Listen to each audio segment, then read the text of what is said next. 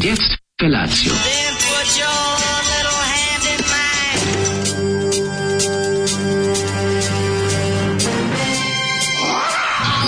Grupa roznojenih mladića trči po studenom vazduhu pre zore. Alarm! Ima da kane, nema problema. Svakog radnog jutra, od 7 do 10. Hajde,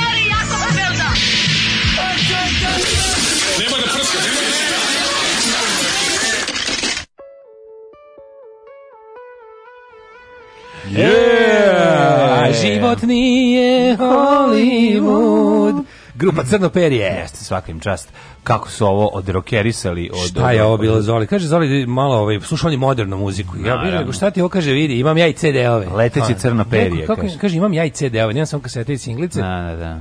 Kako daj da vidim vadi ja rekao šta je, okaže on, to je Grupa, mlad perje. hrvatski bend. Kako mlad kaže iz 2005. album. Da, da. Ove, ovaj, inače, odlična grupa Crno perje, vadi CD, ja rekao mhm. daj da vidim. Ima Kaže da. pogledaj kako su dobre slike, i pokazuju malo su ko... opasnost, mala je još opće da, da, da, da, da, da pa ima to je da. čitava scena tog mm. tog nekog ovaj kako bi to nazvao? To su ba bike skup. Ali da li nekako znači, daš me ramo da na moto skup, što bi rekao familija. Ali meni se ipak močam ti niskičmicu, ali ovi, ovaj, meni je ipak um, ipak su um, opće opasnost malo više branitelji, a ovi su malo više, ovi su više metalci. Da, ovi su metalci, metalci opće opasnost da, su više, da. Da da, da, da, da. da, da opće opasnost će više, kako ti kažem, i jesti, i piti, i guziti od svoje muzike, a ovi, će, ovi, ipak, dve, ovi imaju duplu bas pedalu. Dobro, Mislim, ovi imaju duplu bas pedalu. Ne, ovi su više trude oko sviranja, definitivno. Ovi su, da, ovi, su, ovi su gitar policije, a opće opasnost su više ovako. Opće je, je ovako hrvatska policija. Dok da redarstvenici, klasični muzički redarstvenici, dok su ovi više ovako. Ovo je gitarska policija. Ovo je, da, ovo je heavy metal legija Da, da, da, bravo, bravo. Tako je, dobro jutro, kuratori, je hladno jutro. Sviđaju mi se, dobri su, moćni su, lepo sviraju. Zoli, hvala ti na ovom Slušaj, muzičkom kaže, iznenađenju. relativno dobru stvari, ste vi normalni. Ono? Dobro ima i toga. Dobro, sad malo hladnije jutro, pa zato su ljudi Meni se zbunili. sviđa onaj Ljudi su se zbunili. Tas, da tas, tas, Ima, ima RGG moment koji liče na riblja čorba, istin album. Pa, pa ima ceo taj... Koji ja obožavam, da. da se razumemo. Znači, da. opet sam uvjetio sebe kako sam juče pustio ploču, e, istina. E, taj nema me zebavati. A ne mogu imaš kako mi se sluša, čoveče. Sramim se priznati, znaš šta mi je najčudnije od svega? Koje to stvari? Da to ja ću da pevam. Uh, ne, to je, to je ne, osmi slom. A šta je ne? Istina je poslednji, baš, ja, baš skroz dobar album. Skroz, Tamo je skroz, pogled on svoje anđele. Da, to je šta, bez jednog Ali šta, koja još? Koja još? A, pa, tu Disko Mišić čuveni. Kako ne voliš Disko Mišić? Disko Mišić, pa, ovaj, kako, sačekaj da kiša stane, sačekaj da zora stane, sačekaj, va nije ni super je to bre čoveče. Znači znaš šta, no, ne mogu setim naj, se dosta. Najbolje je kad ove ja tu ja tu ploču, ja taj album nije u kom obliku nisam čuo 30 da. godina. Da, ja da, sam da. kupio ploču na ulici za 400 dinara u super stanju mm -hmm. i onda sam pustio i ove i onda sam skontao da znaš onaj najbolji osećaj na svetu kad si nešto toliko puta slušao mm -hmm. da kad se završava pesma ti je sledeće kreće u glavi. Ma znaš ko je ide. Da, Uvediš da, kao na primer bude ta da da da i ti krećeš krećeš. Pam pa kao već krećeš znaš kao šta se sledeću u glavi. Ide. A onda ili kad a onda se iznenadiš kad recimo neko napravi neku kompilaciju pa nije to. Kao završila se stvar stvari ti čekaš da počne što kod tebe kući počinje, zbuni, da, a počneš nešto da. drugo. E, tu me začudilo da ja posle 30 godina držim taj negde taj je zapisan pesama. taj redosled pesama da kad je završila pesma znam koja ide sledeća. Ja tako se ujedam za dušu zato što je bila kaseta u Aha. kolima. Znaš, zavisi šta je bilo u kolima od kaseta uh, i, i hači Magle Bajagi instruktora. Ima tih nekih uh, par um, albuma izvođača kod kojih znaš apsolutno redosled pesama jer si ih slušao u beskonačnim vožnjama dok si bio da. E, napolju, napolju, je hladno, napolju je 14 stepeni mm, bilo. Dobro se vuci. Jako je slatko što ovi moji mačići iz parka. Slatko, kući, kući su se vukli mačići iz pakla. Mačići iz pakla, da. Ovi moji mačići iz parka su se toliko okuražili da ja sad kad najeđem pošto stižem bajsom, oni kad vide bajs istračavaju i trče pošto oni misle da je, da je bajs nekih frih, pa, da iz bajsa izlazi hrana. Pa, moraš da što ih, je tačno. Moraš da ih pripremiš da, da nauče da, da se ne zaleću tako kad vide sva svaki bajs, nego samo kad ćelovog debelog da, čoveka na da, da, bajku, da, da, onda da, izgleda. Koliko je slatko kad staje ova mačka što sam mi dao doručak, pojela to. Jel, ovaj, a pa šta si je dao, dao si korice od bunde, ove, od krompiruše? Ne. Nešto dao da. sam je mesne. A da si mesne? Međutim nije, malo ne, neće može, vrate. Once, once you go whiskas, you never go ne, back to... Ne, zašto neće, skoro ima puno bibera unutra, nema što da pojede. Aj, to je bude pre, ili nije gladna. Pa nije gladna. Da, da, da. Ali ovi mačići su preslatki što kao, oni misle, znaš, pošto ja vadim iz one torbice u, na kormanu se vadi mm -hmm. onda oni tu, tu se, na, kako je to slatko. Ja vadim iz čvarkova. Ima ih trojica, ovog jednog skoro nikad ne vidim, taj i dalje ono, zamrznut, boji se ali ovi mm -hmm. ostali, super ih bre hrane, ja gledam, dođem tamo, mislim, pojedu oni ko zmajevi ovo što im ja donesem, jer je najlepše. Da, da, da. Jer nešto ima bre čoveče u tim, ti, ti fabrike koje prave te sosiće za mačke, oni znaju šta mačke najviše. Pa, to, je, to je rađeno istraživanje surovo. Fabrika mačije trave, verovatno. Bukvalno znaju šta treba. Mm. Zato što mm. vidim ja, njih hrane ove dve žene što rade u sendvičarama kod medicinske, baš lepo. Svakog od mačeta kad uzmeš ima kosto mačić, znaš. Da, da, da, da, Ali ovo moje što donesem, to najviše voli, jebi ga ipak. Ono. I onda koliko god jeli, trče na ovo moje u Vrati si strici švedske, što pa, je dono da nešto bolje. Baš to, da. da. A, lupa bubanj zveči zvečka. Ove... Banda svira, tra la la la. To pesma. Mm. Ne, ne, to je nije, to je sa kad se dvoje ljubi bube na e, sa kao štipaljke. Kako se taj? Koje bubanj e, svira zveči zvečka. Da, da, da, to je s tog albuma. To je sa priča o ljubavi. Priča o ljubavi, e, tamo je. Tu ja već ne. Da, ja sam nastupi bio je sprečen, gutač plavena. Da, najviše na svetu volim, najviše na svetu volim istinu i osmi nervni slom. Što, kad bi našao osmi nervni slom, kupio bi tu ploču ima mu za dušu isto ploču. Dušu, da, I da, da, ima mu ime naroda live, to je jedan od najboljih live-ova i live ikada. to je pa, super. Pujec za dušu je bolji album meni od osmog nervnog sloma, al dobro. Mm, pa osmi nervni slom je dosta onako kao da je zbrzan malo. Pa, dobro. Ovaj kaže ovako. E, dobro jutro, kurminatori. E, kakva pesmetina, hvala zvali, ja sam ipak za vrane vrane. E. Da li ste se upoznali sa forum za izbore u CG? Osvežilo je Ako jeste, koliko vas nervira, kaže drug dujke. E, juče sam prvi put kupio sandale od dečije kože. To prosto miluje nogu. Veliki sam protivnik pedofila koji kuju svetsku zaviru, koji bi sve ljudi na svetu, prvenstveno Srbe, počinili i naselili im migrante, ali za cipelo dečije kože se u pravu nema bolje. Daško, priča se raspoloženje, što znači da te ne boli glava. Izdao si me, uvek na zajedno boli glava. Sinoć me je odkidala. Sinoć me je odkidala, da. ali sam ovaj Uh, Pun mesec je, da. ili dan posle punog meseca, ili dan pre, pre punog meseca, ali osjeća se ta njegova magična privlačnost koja ovaj pravi plime mesecova? mesecova koja pravi plime i oseke u našim telima. Kaže kako je smešno kada Prosto, kažu, kažu, imam utisak da mi ne, da mi se kad je mesec blizu imam utisak da mi zalepio svu vodu iz tela, a ljudsko telo se stoji od 150% vode i ovako zalepio za, za, za, za, ja, za zidove video, tela. Ja sam vidio kako je bilo lepo kad sam išao. Bio ovaj, veliki, ali Da, bio sam baš, bio onako kao, što bio čovječe, kao u onim uh, Hammer hororima. Mm. Mesec i onda kod njega malo čisto i onda oblačici. A malo drvo, a malo koje Znaš, drvo? Znaš, oko jajna oko. A ko, koje drvo, jel si to primetio? Znači, pa nisam koje, gledao, sam pre, gledao sam preko zgrada. Ovdje. A, onda, bio je visoko. Mhm. Kaže, kako je smiješno kad Daško kaže, najviše volim istinu. Slušam podcast od juče, pa Daško, ti stvarno nisi normalno što objašnjavaš ljudima kako se ne radi o podržavanju Mila i to, stalno, i, i to se stalno ponavlja. Manjih čoveče, lep pozdrav. Uh, pa onda ovako, ovaj, e, dobro jutro kuratori, boga mi je hladno jutro. Mm. Uh, E, na trenutak sam se ponadao da nas je Zoli osviđio rođem Stuartom, ali sam shvatio da je M prerano, M previše folk za njegov mm-hmm. ukus. Mm -hmm. o, važno da Johnny ne podnosiš debeli, Azra ti je klasa za jebenu čorbu. to ne bira pamet, nego srce. Šta da vam kažem? Ovaj, e, dobro jutro, kursa lonci. Kako ne razumem? Kur salonci. Morate shvatiti još jednu stvar. Jako je važno kojem muzikom budeš pogođen Ej, to u detinjstvu. Da. Nije, on, on čorbu nije birao. Nisam, čorbe, realno, čorbe, da, čorbe nasleđeno. Da. Znaš, on kao, pa tako kad si bio klinec, pa ti se nešto da ja nisam birao nove fosile, čale a ja, čale ja rekao da čorba volim no, nove fosile. Znaš. Čale rekao da čorba dobar i, kad je Čale rekao da čorba nije dobar. Čak i kad su sranje, ja moram da priznam, meni čak i Tutti Frutti Band dobro. Jer sam to, taj deo albuma imao ne, kao dete. Ne, to nije dobro, ali volim čujem. A dobro, ne mislim Znaš, e, dobro. dobro. To sam sad već sam objasnio to. Zašto sad moram tebi da objašnjavam da, da. da sam protiv Mila, a nisam za Mila, za nisam za za četnike. Da. Ove, ne, kako ti kažem, imao sam to kao dete i onda nekako smo to vrteli i ostalo mi. Mislim volim lepo Brenu i Miroslav Ilić je jedan dan života da ostane meni. Zato što isto bila kaseta. Tako da eto. Oj, um, e, kaže, to ne znači da je to super je što je malo dugme play požuti Uh, kaže, kad se kursorišeš, ali kasetaš i dalje malo ukrivo. -hmm. I providan je, nije plav, nego je providan, pozadina je plava, pa naravno da je providan. Naravno, da oni samo, kasetaš je samo konture, pozadina je plava, hvala Bogu. O, ustala sam u sedam da vam kažem da treba od deset. Zoli, napaseš se bruca ko zetske lerabe. Odvratno. Kaže, ovo što smo slušali... Je, se mudako Kamila Kestinja. Ovo što smo slušali čorba skinut, ovo je čorba skinut sa vinjaka. pa da, može, ima tu prime sa čorbe a ranih radova. Znaš, ono, moglo bi da se nađe tamo negde pre Bajage, ovaj čorba, ovaj. Nije pa mnogo je ovo to, to, to, ovo je bar buvlja pijaca, ako je, ako nešto nešto liči liči na buvlju pijacu, jer je tu najmotorhede čorba. Ono.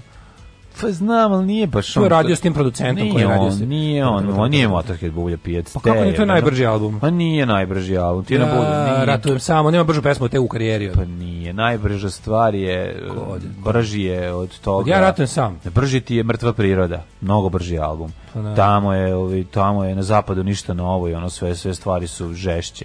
A zapravo ništa, ovo nije na bulju pijaci, nije? Ne, ne, ne, da. to je na, moguće, na mrtvoj da. prirodi. Da. Ja, bulja pijaci je tesna koža, po tome znam, one pesme koje se čuju. Bulja su dva, čeči, stači, da. odnesi ću. Ali ja ratim sam kad da. Pantić popizdi. Da, da. Slušamo da. New Model, New Model Army. Army, The Hunt.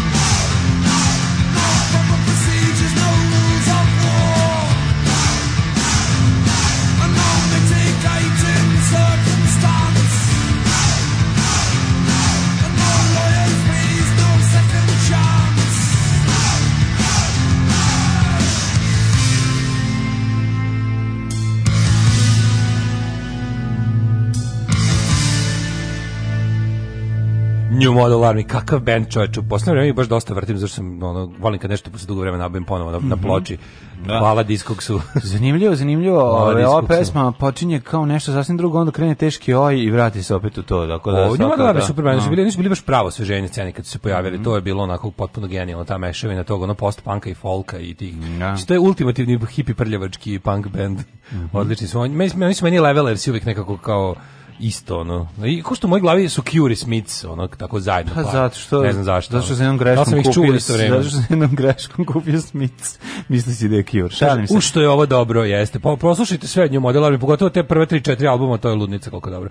Ove Ludnica. Kaže, šta zna meni ono Zolijevo bolje? Čorbini albumi nakon bublje pijace postaje sve tanja, a nakon istine mhm. postaje valjanje u blatu. Ja, pa dobro, ima, kreće, ovaj. ima, ima svična nacionalizam i to je to. To je, im, nije, ima, on je ne, pad, reći, pad muzičkog ne, kvaliteta. Ne, ima antikomunizam sa ko, Kozom Nostrom, a to... Ne, njegov antikomunizam je manje više konstantan. Bar nikada, je konstantan. Jeste konstantan, je, moramo priznati. On je uvek bio crna Bio je, ako ništa drugo, znaš šta, on je u vreme to kao ranih 80-ih je bio, može se reći, neka vrsta anarhista. Da. I to je zaceniti. Mislim, razumiješ, on je kao za, ja mislim zaceniti. Bio je onako neko buntovnik, dal bez razloga i ali je bilo to okej, okay, bilo je kritikovanje, bilo je kritikovanje anomalija sistema yes. Uh, koje je trebalo, znači yes, kritikovati. Pravo, e onda mislim. to kreće, onda to kreće, to ti slično kao sa 68-ašima. Sve to krene kao okej, okay, ono na kraju ja. Da. se završi u nacionalizmu jer si mm -hmm. u mhm. fazonu kao ono, jebi ga, nema više s kim i kako i onda kao budeš budeš u fazonu kao e, kao probaću da se to je baš ovo ujediniću se, da se ujediniću se s crnim đavolom, pogrešno proceniš. Nacionalizam, to je ono, to je samo to ono katalizator. Okej, okay, to može biti, znaš, ono, ali se radi o tome da uh, govorimo govorimo o tome da je on muzički već onako krenuo nizbrdo posle istine. Istina bio njegov zenit po meni. I onda je ono kao posle to, to mu bila i na vrhunac popularnosti i sve i onda kreće ono bržu kreće polako da ide na dojde da u taj ljigavi pop. Kad je istina, 87. Ne, 84. 84. Da, istina. Da, 87. je iz dušu. A da. Kad se ja krenuo, ne, on 86. ujed za dušu. 86. 7. Pa misli da. kad je snimano, kad je izašao, recimo da, da je bio popularan kad sam ja krenuo u osnovnu. Da smo, da smo, da smo svirali David Bowie i Pauci iz Marsa slušali da. na prijemu prvaka. Da, da, Kao da, novu da. stvar, ono, to se baš dobro sećam. A ja bio srećan što ja to imam i kod kuće. E, jeste, a to je ovi, dosta super. To je, mislim, to je meni dalje ok album. A Evo, kaže ovako, o istine ploča koja je sledila nakon Bajginog odlaska i predstavljala povratak izvornom zvuku, pošto je muzičari koji piju prethodno ploča bila pola, pola, pola mm. Bajagina, meni je najbolji čorbin album Mrtva priroda, muzičari koji je pio jako tanak album i to je bilo neverovatno, nešto su Jugoton koji je da. ono, bio potpuno nezadovoljan tom, ono to je bilo baš bulja. A i Jako se loše prodalo. Pa to su sve Bajegine pesme. Većina, Zašto da. su žurili? Pa nemam pojma, valjda, ono, ne znam, Rajko bio odsutan, a Čorba nije znao gitaru svirao. Pa ne, ali... Pa onda Bajaga napravio, da, mislim, dva, dva gitariste, jedan bio Bajaga. A ovaj da, drugi da. je bio malo, kako bih rekao, u to vreme baš... Jeste, on je već bio kres, krenuo, zmaja. krenuo da tramputicom. To je problem. Ali da, muzičari koji pio tanak, tanak. Mada a ima to je, naj, to, to je od, od te kao prve čorbe, to kao te čorbe. Dobro, od ima dobre čorbe, čorba, to ima, ima, pa ima živo živac je dežuri krivac. Pa ima, naravno. Mislim, to su njegove. Ti čuješ njegov najgori album iz tog perioda, to je bolje nego, nego bilo šta posle jelo da, tamo da, da, da. Kad, ne, al to kad kažeš to, kad je otkrio to, kad je pustio bradu i stavio kokardu, to je ćao, mislim. Ali ti kad čuješ čoveče, ja razmišljam... Ali on je, on je spustio bradu i stavio kokardu 90. 90. te Nije on, nije on to radio 87. Mm, pa, pa išao je on, naš, mislim, ja bih ga ona pesma snage opozicije, mislim, to je ono, to je... S koje to godine? To je, to, to je nikad, to je trebalo da bude na... To je trebalo da bude na... na to je trebalo da bude na osmom nervnom slomu. To je snimljeno tada ili ne znam crvena su dugme pritisnuta to su to su stvari koje nisu ono pa taj bila pesma pa da ali, sila je sudbinu nam kroj ali je bila varijanta e, da, da je, da je dodata tek na drugo izdanje i tako razumeš bilo mislim ima on nije bila je ta na albumu kažem ti dodata ta, da, a ta ne znam snage opozicije ne znam da, ali da, mislim znam da je on kao, za ideale ginu budale be Da. ove, i za neki, to pazi, govorimo o... To je mnogo ravno, o, to je... Mrtvi, ne, o, kako se zove... Na zapadni to je to. Da, to je sa... Al, to je sa prirode. Ne sa mrtve prirode, to je sa... Da, to je sa mrtve prirode, jeste, jeste. Jest. Uh, e, ne kako, kakav elaborat, pa ja mislim da, da sad Čorba da sluša ovu emisiju slučajno, rekao bi, kako me ovi ljudi vole i poznaju. Pa, poznajemo. A mi ga samo poznajemo. Da, da, da, da. mi ga stvari samo poznajemo. Da.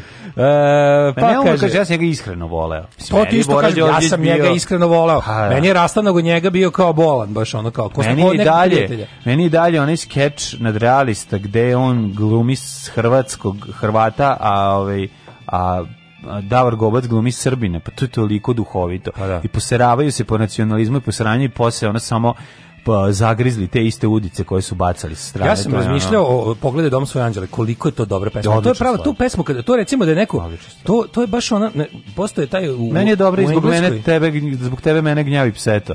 I tamo je dobra stvar. Da, kasnije, to je, A, to je baš kasnije. To je kozana ostra. O, da ali je za pogled on svoj anđele, znaš to liči na one, i postali su ti, oni kao engleski pesnici iz kraja 19. veka, koji su bili tako neka vrsta, kao neka vrsta hrišćanskih socijalista. Da. E, meni je ta pesma na taj fazon, kao tipa ono, ono, verujem u Boga i pravdu koju on može da donese, jer više nemam u šta. Mm, da. To mi je taj, ono, tako nekako, baš mi je, očajnički taj krik ono čoveka koji vapi za malo pravde u životu i još mu je ostalo samo da veruje da će da će Bog nekog srediti mm. jer su ga ono otprilike nepravda na svetu ga je pojela ono ubila ga je to mi je mm, da. stvarno moćna pesma i tako mi je krivo što pogledaš da ta pesma je za mene bila baš to i onda tako je isto nju provukao kroz blato ono. Zani pa naravno, nego da. zanimljivo je gledati i e, kako se menja zvuk čorbe e, pod uticajem gitarista koji su dolazili, tako da. pod čučutorom imamo ovaj, neki hitove stvari koje onako više vuku na njegov fazan.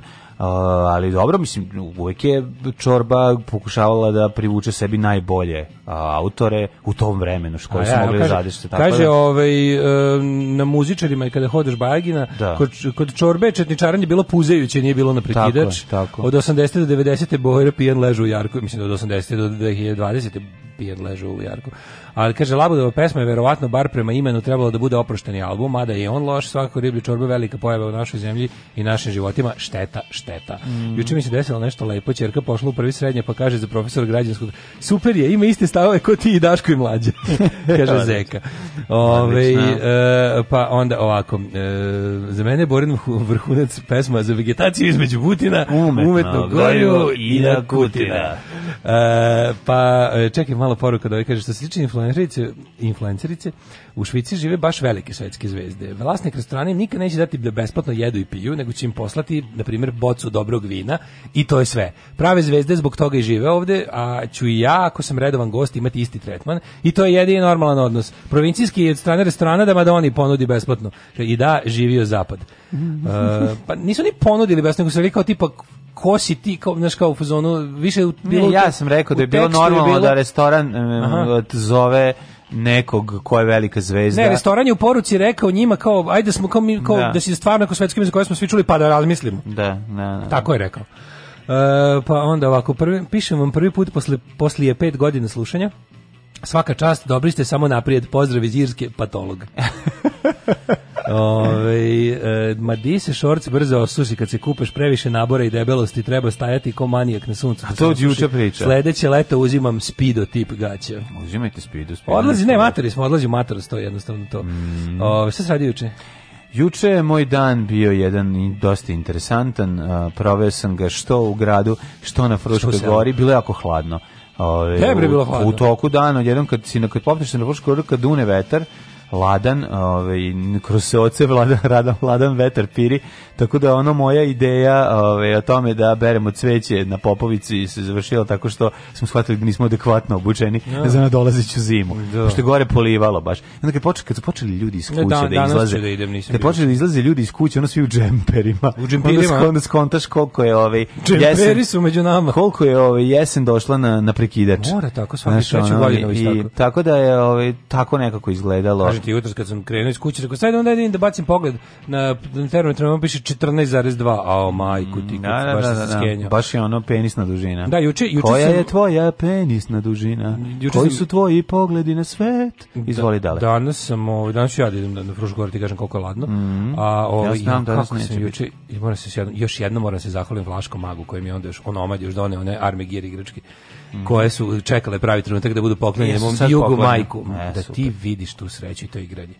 to Tiretovi, znači se igrao sa tim vojničićima i tim onim kako se zove, s tim da upalite da sjelice. Da, da, znači jedva sam našao neke baterije, znači nemaš nigde pa, u gradu. Da, Baš ono pa u kinesko ima, ne? U, e, pa na kraju sam kinesko kupio. A ja sam kupio neke dobre, na kraju sam kupio kineske. Ne, teško. Jer dobre ima. samo u bateri shopu. Pa u znači, bateri shopu, to, da. Znači, kad da, dođeš, da. dođeš na, na kasu tamo gde se prodaju baterije, da, ima sve SMC ono, sve. Da, čekaj, to su okrugle srednje debele. Srednje okrugle, između između da. onih standardnih za Walkman mm. i onih za baterijsku lampu. Između AA i i onih Ne, baterije se zove CD, to nisam znao do juče, sad znam. To, to je C baterija.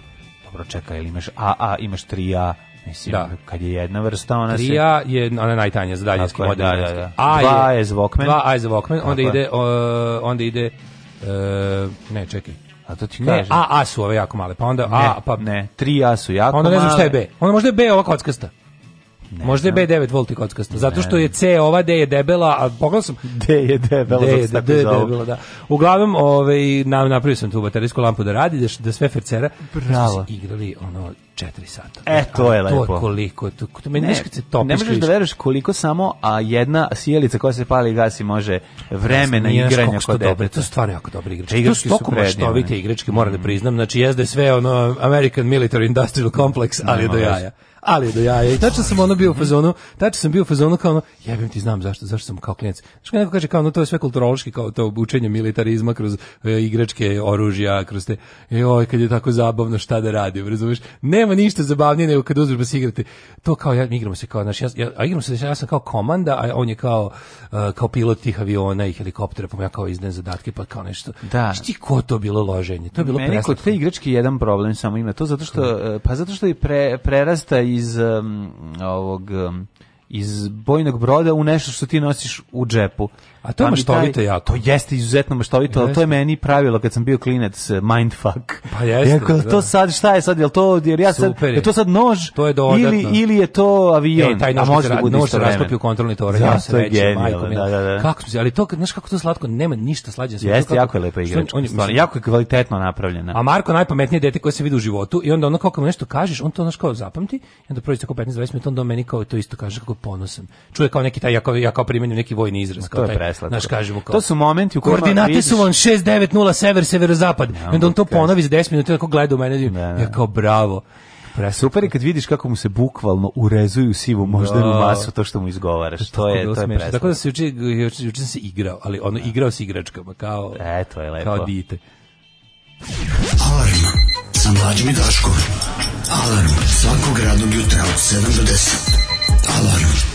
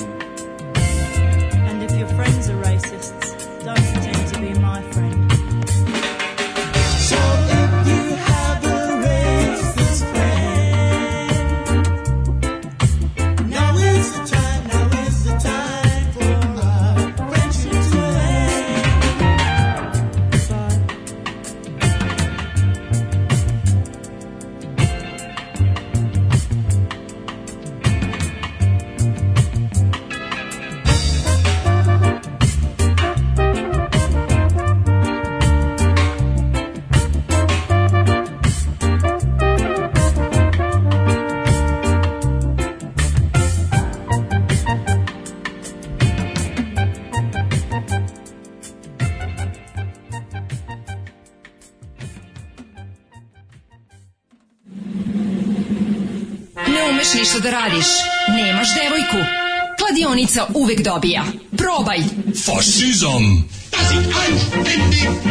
Fašizam sadrži sastojke koji će učiniti da se osjećaš moćno i smisleno. Terorisanje slabijih, optuživanje manjina za lične neuspehe, snaga u čoporu. Ovo saopštenje je čisto fašizam. Fašizam! Il dolce vincerà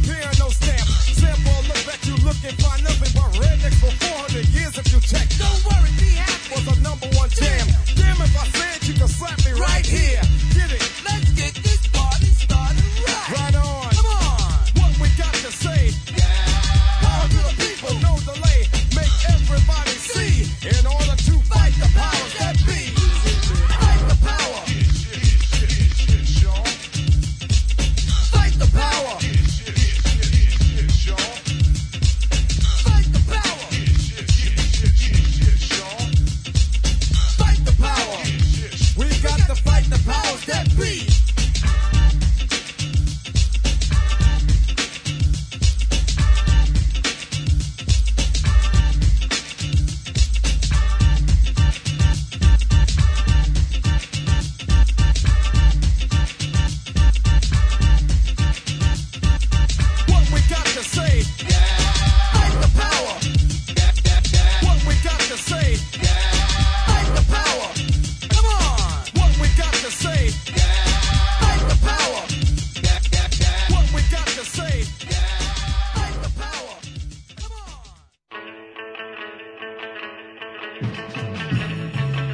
the power. U 7 sati 37. Jo, ovo su bili Public Enemy, pre toga smo slušali... za Public Eminem. Public Eminem, pre toga smo slušali, šta je bilo pre toga, izvinimo? Special specijalci. Racist Friend, jeste. Ovi, ovaj, kaže, koja analiza čorbe možete s Petrom Janjatovićem da pišete knjigu. Odličan novi džingl za fašizam. Mm -hmm. Dobro jutro. Valjda protiv fašizma, majku. Da, zapravo. Dobar džingl protiv fašizma neko sledeći napisao. Kaže samo ste igraj Daško rata s djecom, a play Gump se bude sam na uh, bude sam narastal. Ove, ovaj, dragi putogazu, ponadao sam se restartu sa bivšim, ali on mi sad kaže da može kres bez emocija. Očajan sam, šta da radim da se krešeš bez emocija? Da. šta ti kažem? Očajan, budi očajan i kreši se bez emocija. vidi ga, dobro jutro. Posle naftne platforme sad radim građevinu, fasade, izolacije, vuna, skela. Malo reći da je bezbednost nula. Posle da. platforme nikako da se navikne na taj odnos. Neće to nigde, dobro je to. Nemam vremena ni za šta. Baš mi se neko usru život, kaže to Nikola, pretpostavljam, koji je radio nekada na platformi. Na platformi na, u Severnom moru. Ovaj jebote stvarno sad baš razmišljam o tome. Čovjek je došao iz ono naftne platforme da se ono kao standardi bezbednosti da. majka, ono da je to prvo to pa sve ostalo. A gde se radi kod nas ili dalje kod nas na Baušteli pretpostavljam kao ili pa, neki nije kod nas. Kaže radi građevinu pretpostavljam da je kod nas čim je čim da. je varijanta da, da, bezbednost nula. Jel ne znam da igde bezbednost nula kao kod nas. Osim ako ne radi u Somaliji na građevini. Mm, što pretpostavljam da nije slučaj. Ali još uvijek ne postoji tamo građevina. Pretpostavljam da. da ovaj, ali je fora što ovaj to kao naš neće to nigde dobro je to. Mm-hmm. e to mi stvarno ne, kako mi to. Ja znam na primjer onako poznajem neke ljude koji imaju mala građevinska preduzeća koji se koji se kako kažem, koji se lože, ali su jako ovaj poštuju pravila i smatraju da je to on kao razmišljaju normalno. Naravno, i to je jako skupo. Naš, to je jako, to je jako skupo. Pa, da, Bukvalno pa, meni kaže, da. znaš šta mi kaže? Kaže, nije meni to, kaže, kaže čovjek, nije mi to žao. Žao mi da. što smo mi kao bukvalno mi koji smo se pročuli kao ljudi koji mm. uh, koji poštuju mere smo više na oku inspekcija nego ovi. Pa, kao ono, mi smo mi smo mi smo već ono otprilike ofarbali sebi dupe u, u fluorescentno pa nas bolje vide u gomilu. Pa na, nije to zato nego zato Kaži, što, što mi krivo. To ti što... mali si, ma, manji si, ovaj mm. i, mhm. i, i jednostavno Ne, neko mora da se slome kola, slomiće se na tebi. A ne kaže neverovatno koliko nas koji su koji pokušavamo da radimo pa da. legalno, sve legalno, koji se koji ono kao smo uveli sve u pravne tokove, koji smo kaže mi smo bukvalno kao neka vrsta E, kao, znaš, pa ti e, ljudi prvi prvi zatvaraju preduzeće. Da, da, na kraju, da, zato što da, da. pogled bilo ne mogu da izdrže taj ono. Ne može se država te tera da postoji. Kaže, kaže evo šta na kraju, na kraju će ti moji radnici, kaže čovjek, sivo i nijanse. na kraju će ti moji da. radnici otići kod ovih pa da. govana da će da rizikuju život pa da, pa i da će ono kao, znači, to je da, kao to je problem. Mm. Ja ću morati zatvoriti firmu, nemam od čega ni njih više da platim ni sebe i onda će oni tako ja rasuće se po drugim građevinskim preduzećima da niko ne vodi računa ni o njima. I onda kao interesantno je što kaže, bukvalno smo time što smo se tamo što su nas primetili kako ne znam plaćamo poreze, kako su tamo idemo kako naš ono, trudimo se da radimo sve po tim. Da. Radimo te sve stvari koje ono tipa pohađamo seminare o bezbednosti, bukvalno smo time nacrtali sebi metu na čelo. Ovi koji rade u toj sivoj zoni ono drže low profil ono naš ne, ne, ne, ne nisu im ono kao ispod radara su im ne. Da. kao ni oni bolje prolaze To je ono gde smo pričali da ti država gura u kriminal. Pa država, država te gura, te gura to je suština, mislim, naša Absolutno. država ne favorizuje ove ovaj, dobre, nego favorizuje bandite. I to je to, to je suština problema. To mi je ono, ove. ajmo u prošlost. Ajde.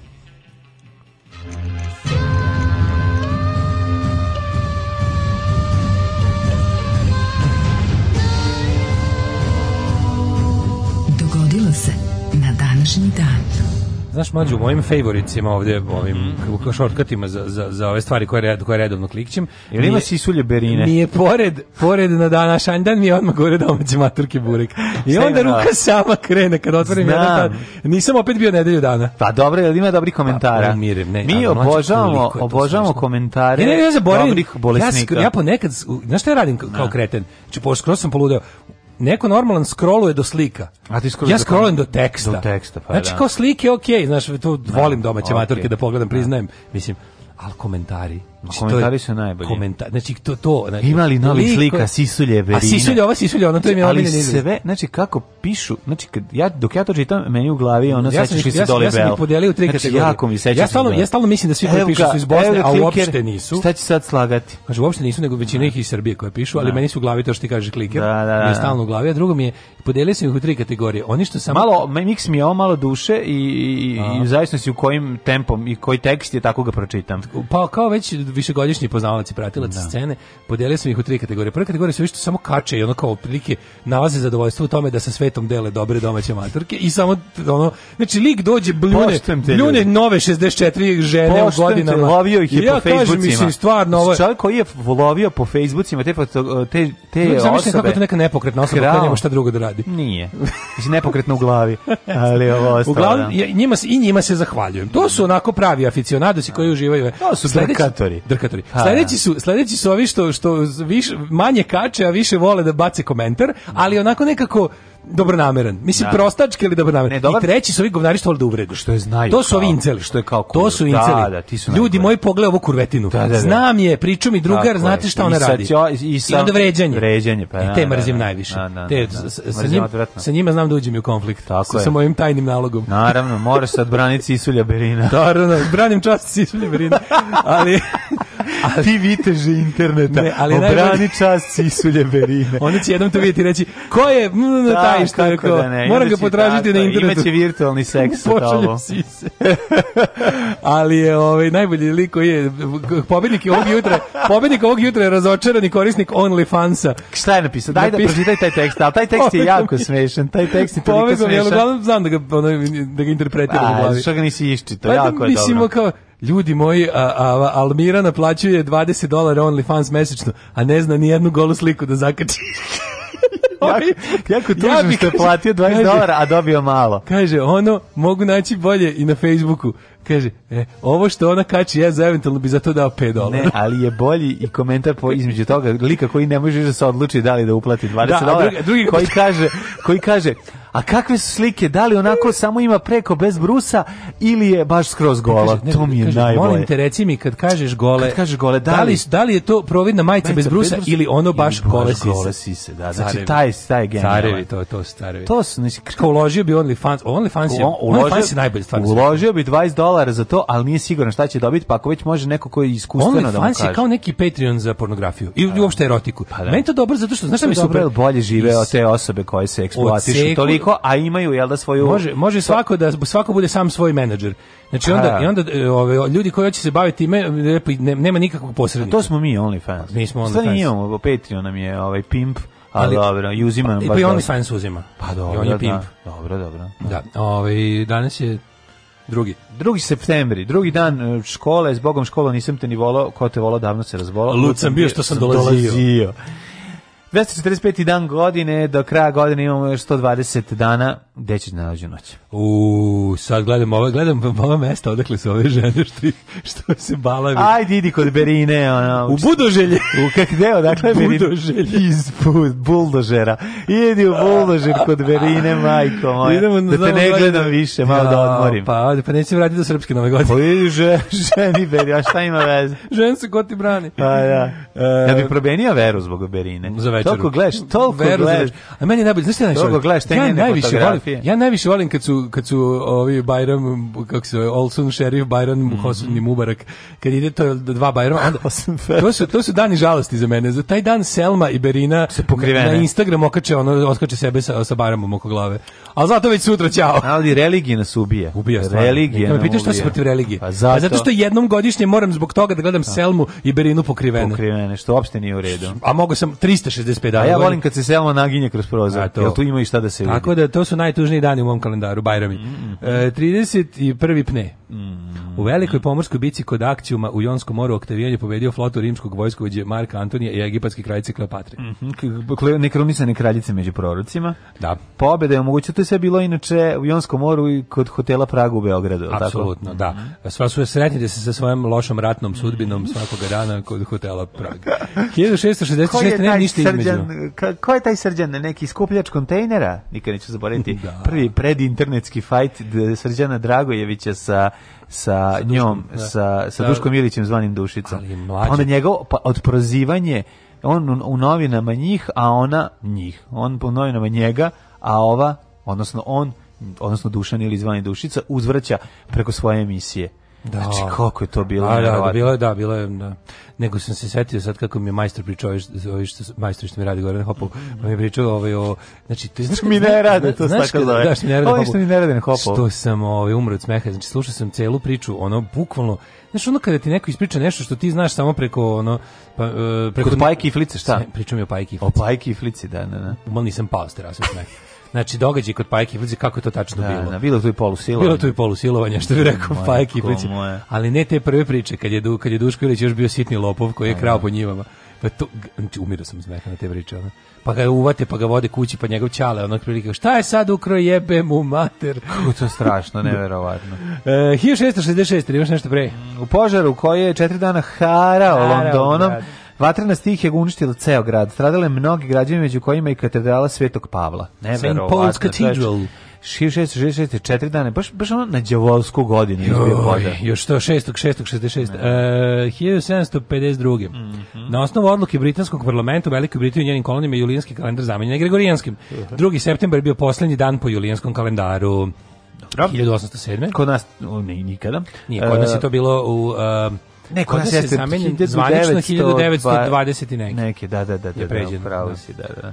Onda 1700... I šta je onda jedan datum bilo nešto nek koliko dana pauze, jedno se prebacio na sledeći dan. Sledeći dan bio 14 dana kasnije. 14 dana kasnije, da, da, da.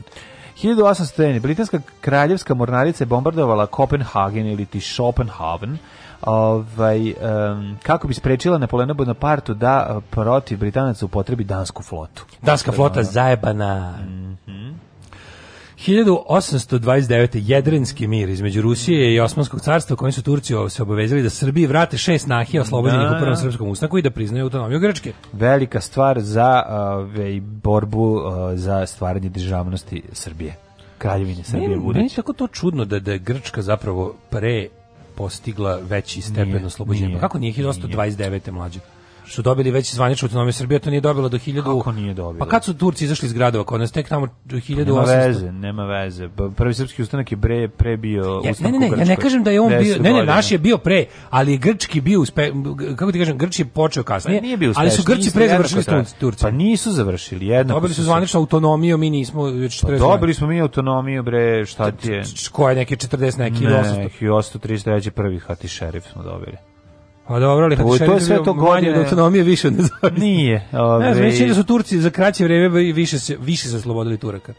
A bliži su im, znaš, kao bliži su im, pa graniči Pa ne gleda se to tako, prvo, prvo gleda da. se koji su bili interesi, recimo, ove, velikih sila u to pa vreme. Ajde, nešto razmišljam, ja mi u vreme... Pošto je Britanija uvek vodila računa o Grčkoj, onda da. su ovaj ne uglavnom su im pomagali su im neko vrijeme i odmagali želeći da zadrže Tursku što više celo kako Rusije. se pa kako se Rusija ne bi da. mogla teritorija i kako neke zemlje druge ne bi ojačale tako ne, da- naravno, da nego razmišljamo o tome kako ipak u to vrijeme se ipak ono kod onaj ti geografski bliži jel kao mjesto odakle krećeš u sve pohode je nekako morao da ti bude duže pod tobom kasnije bi se oslobodio, razumeš, mi smo bili ipak malo dalje. Pa znam, Daško, ali u ovo vreme i Bugarska bila Turska, misli, kako ti kažem, nije to baš tako. Cela? Kako? Pa da. Znaš, tako da nije, da, znaš, da, da, nisu oni to gledali kao neka Daleka kasnije, provincija, to je da. tek već u 20. veku to predstavljalo. Kraj 19. Da da, da, da, da, da, da, upravo si. 1866. Mm -hmm. Na Kritu je izbila pobuna protiv Turaka i proglašeno je ukidanje turske vlasti i ujedinjenje sa Grčkom. Mm -hmm. 1872. u Hagu je počeo peti kongres prve internacionale, na kojem je odlučeno da se sedišnje internacionale premesti u SAD, gde su postali uslovi legalnog delovanja. Dobro. 1895. završao se šahovski turnir u Hastingsu pobedom Pillsbury. Pillsbury. Ne priznajem šahovske turnire koji nisu u Tilburgu rekao je Štajnic 1898. Da. I, pro, i progutao kraljicu. U bici kod Omdurmana, anglo-egipatske druge po komandu Horacija Kitchenera pobedile su vojsku Mahdista, mm -hmm. posle čega su Britanci zauzeli sve strateške ključke, ključne polože u Sudanu. 45. Japan je na američkom brodu. E, bre, pa, pra, Ajde, pa de je avion znak pitanja kojim su francuski piloti Diedon Kosti i Morris mm -hmm. Bellon završili prvi let bez prekida između Evrope i SAD. Ne, ne znam. Pa je počela pobuna seljaka u velikom Grđevcu protiv kraljevine. Koje 1920. Pa gde je Veliki Grđevac? A, meni zvuči mi neka Bosna ili Hrvatska, tako mm -hmm. zvuči. A, 40, mada meni je i Kotor Varoš bio srem, tako da mhm. nemojte meni ništa slušati. 1945. kapitulacija Japana. Japan je na američkom brodu Missouri mm -hmm. u mhm. Tokijskom zalivu potpisao kapitulaciju, čime je zvanično završen drugi svetski rat. 1945. je proglašena Demokratska republika Vijetnam, Ho Chi Minh. Tako je, i proizvedena prva vijetnamka jakna za zajedno koja se nosi u Vijetnamu. 1989. Demonstracije. Tokom demonstracija protiv apartheida u Cape Townu, Južnoj Africi, policajci uhapsili više od 400 demonstranata. Uh, e, 96. održani prvi posleratni izbori u Bosni i Hercegovini, The Rise of Dodik. Mhm. Dodik se tu pojavljuje na sceni, čovek koji je prošao ceo rat manje više, kako bih rekao, nekrovih ruku i um, nevezan za Ratka Mladića i, i Radovana Karadžića, šta više na suprotnoj strani političkoj njih odjednom tu postaje rising to prominence i to zauzima tvrde srpske, znači sve više i više srpske nacionalističke stavove, što naravno dovodi do uspeha u politici. Što dovodi do rasta njegovog bogatstva. Što je Balkan. Što dovodi do pa, rasta njegovog bogatstva. Rast bogatstva, mislim, kako ti kažeš. Mislim, mislim, zauzimanje, nakaradni, zauzimanje nakaradnih stavova je... Um, Dodik je dosta učio iz babinog udžbenika. Pa naravno, ali Jel? Dodik, pa naravno. On kao da čita iz Fikrta Abdića udžbenika. Surovi interesi, da, mislim. Da li, kao da je udžbenik o, koji je da. pisao Fikrta Abdića ovaj pročito. 1996. istom mm. vlada Filipina potpisala mirovni ugovor sa muslimanskim pobunjenicima. Na, na južnom ostrvu Mindanao e, je poginulo 125.000 ljudi za 25 godina građanskog rata. Jezio. Interesantno je da ISIS, pored tamo ovaj, područje da znamo da, da, da, ga svi očekujemo, znači područje Irske, Ira, Irske, može, Sirije. Sirije, da. Sirije, bože. Iraka, treba da sam kažem u isto vreme Irak i Sirija ispalo Irska.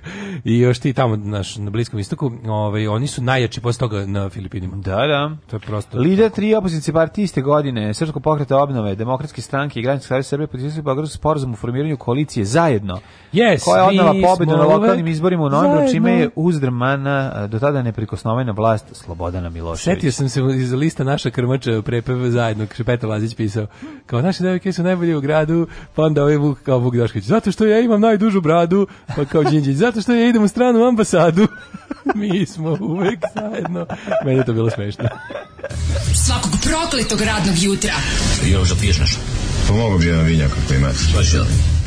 Alarm sa mlađom i Daškom. Alarm.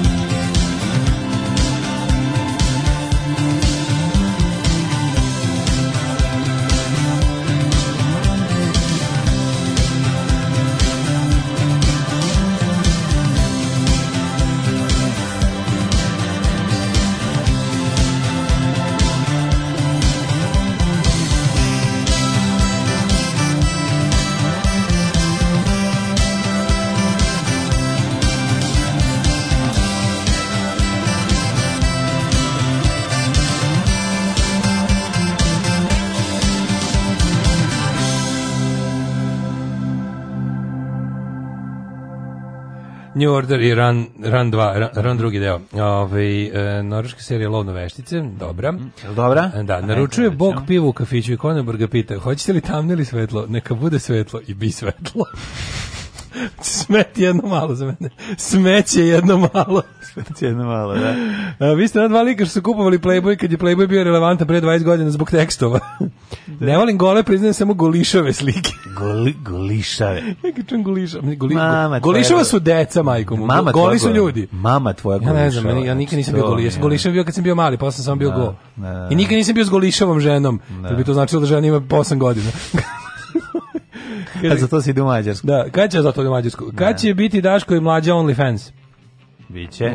Znate kada će biti? Kad ja, znači ja... Ako nastavite ovako da nam trošite server biće. Ne, znate kako, ove, kako je trebalo.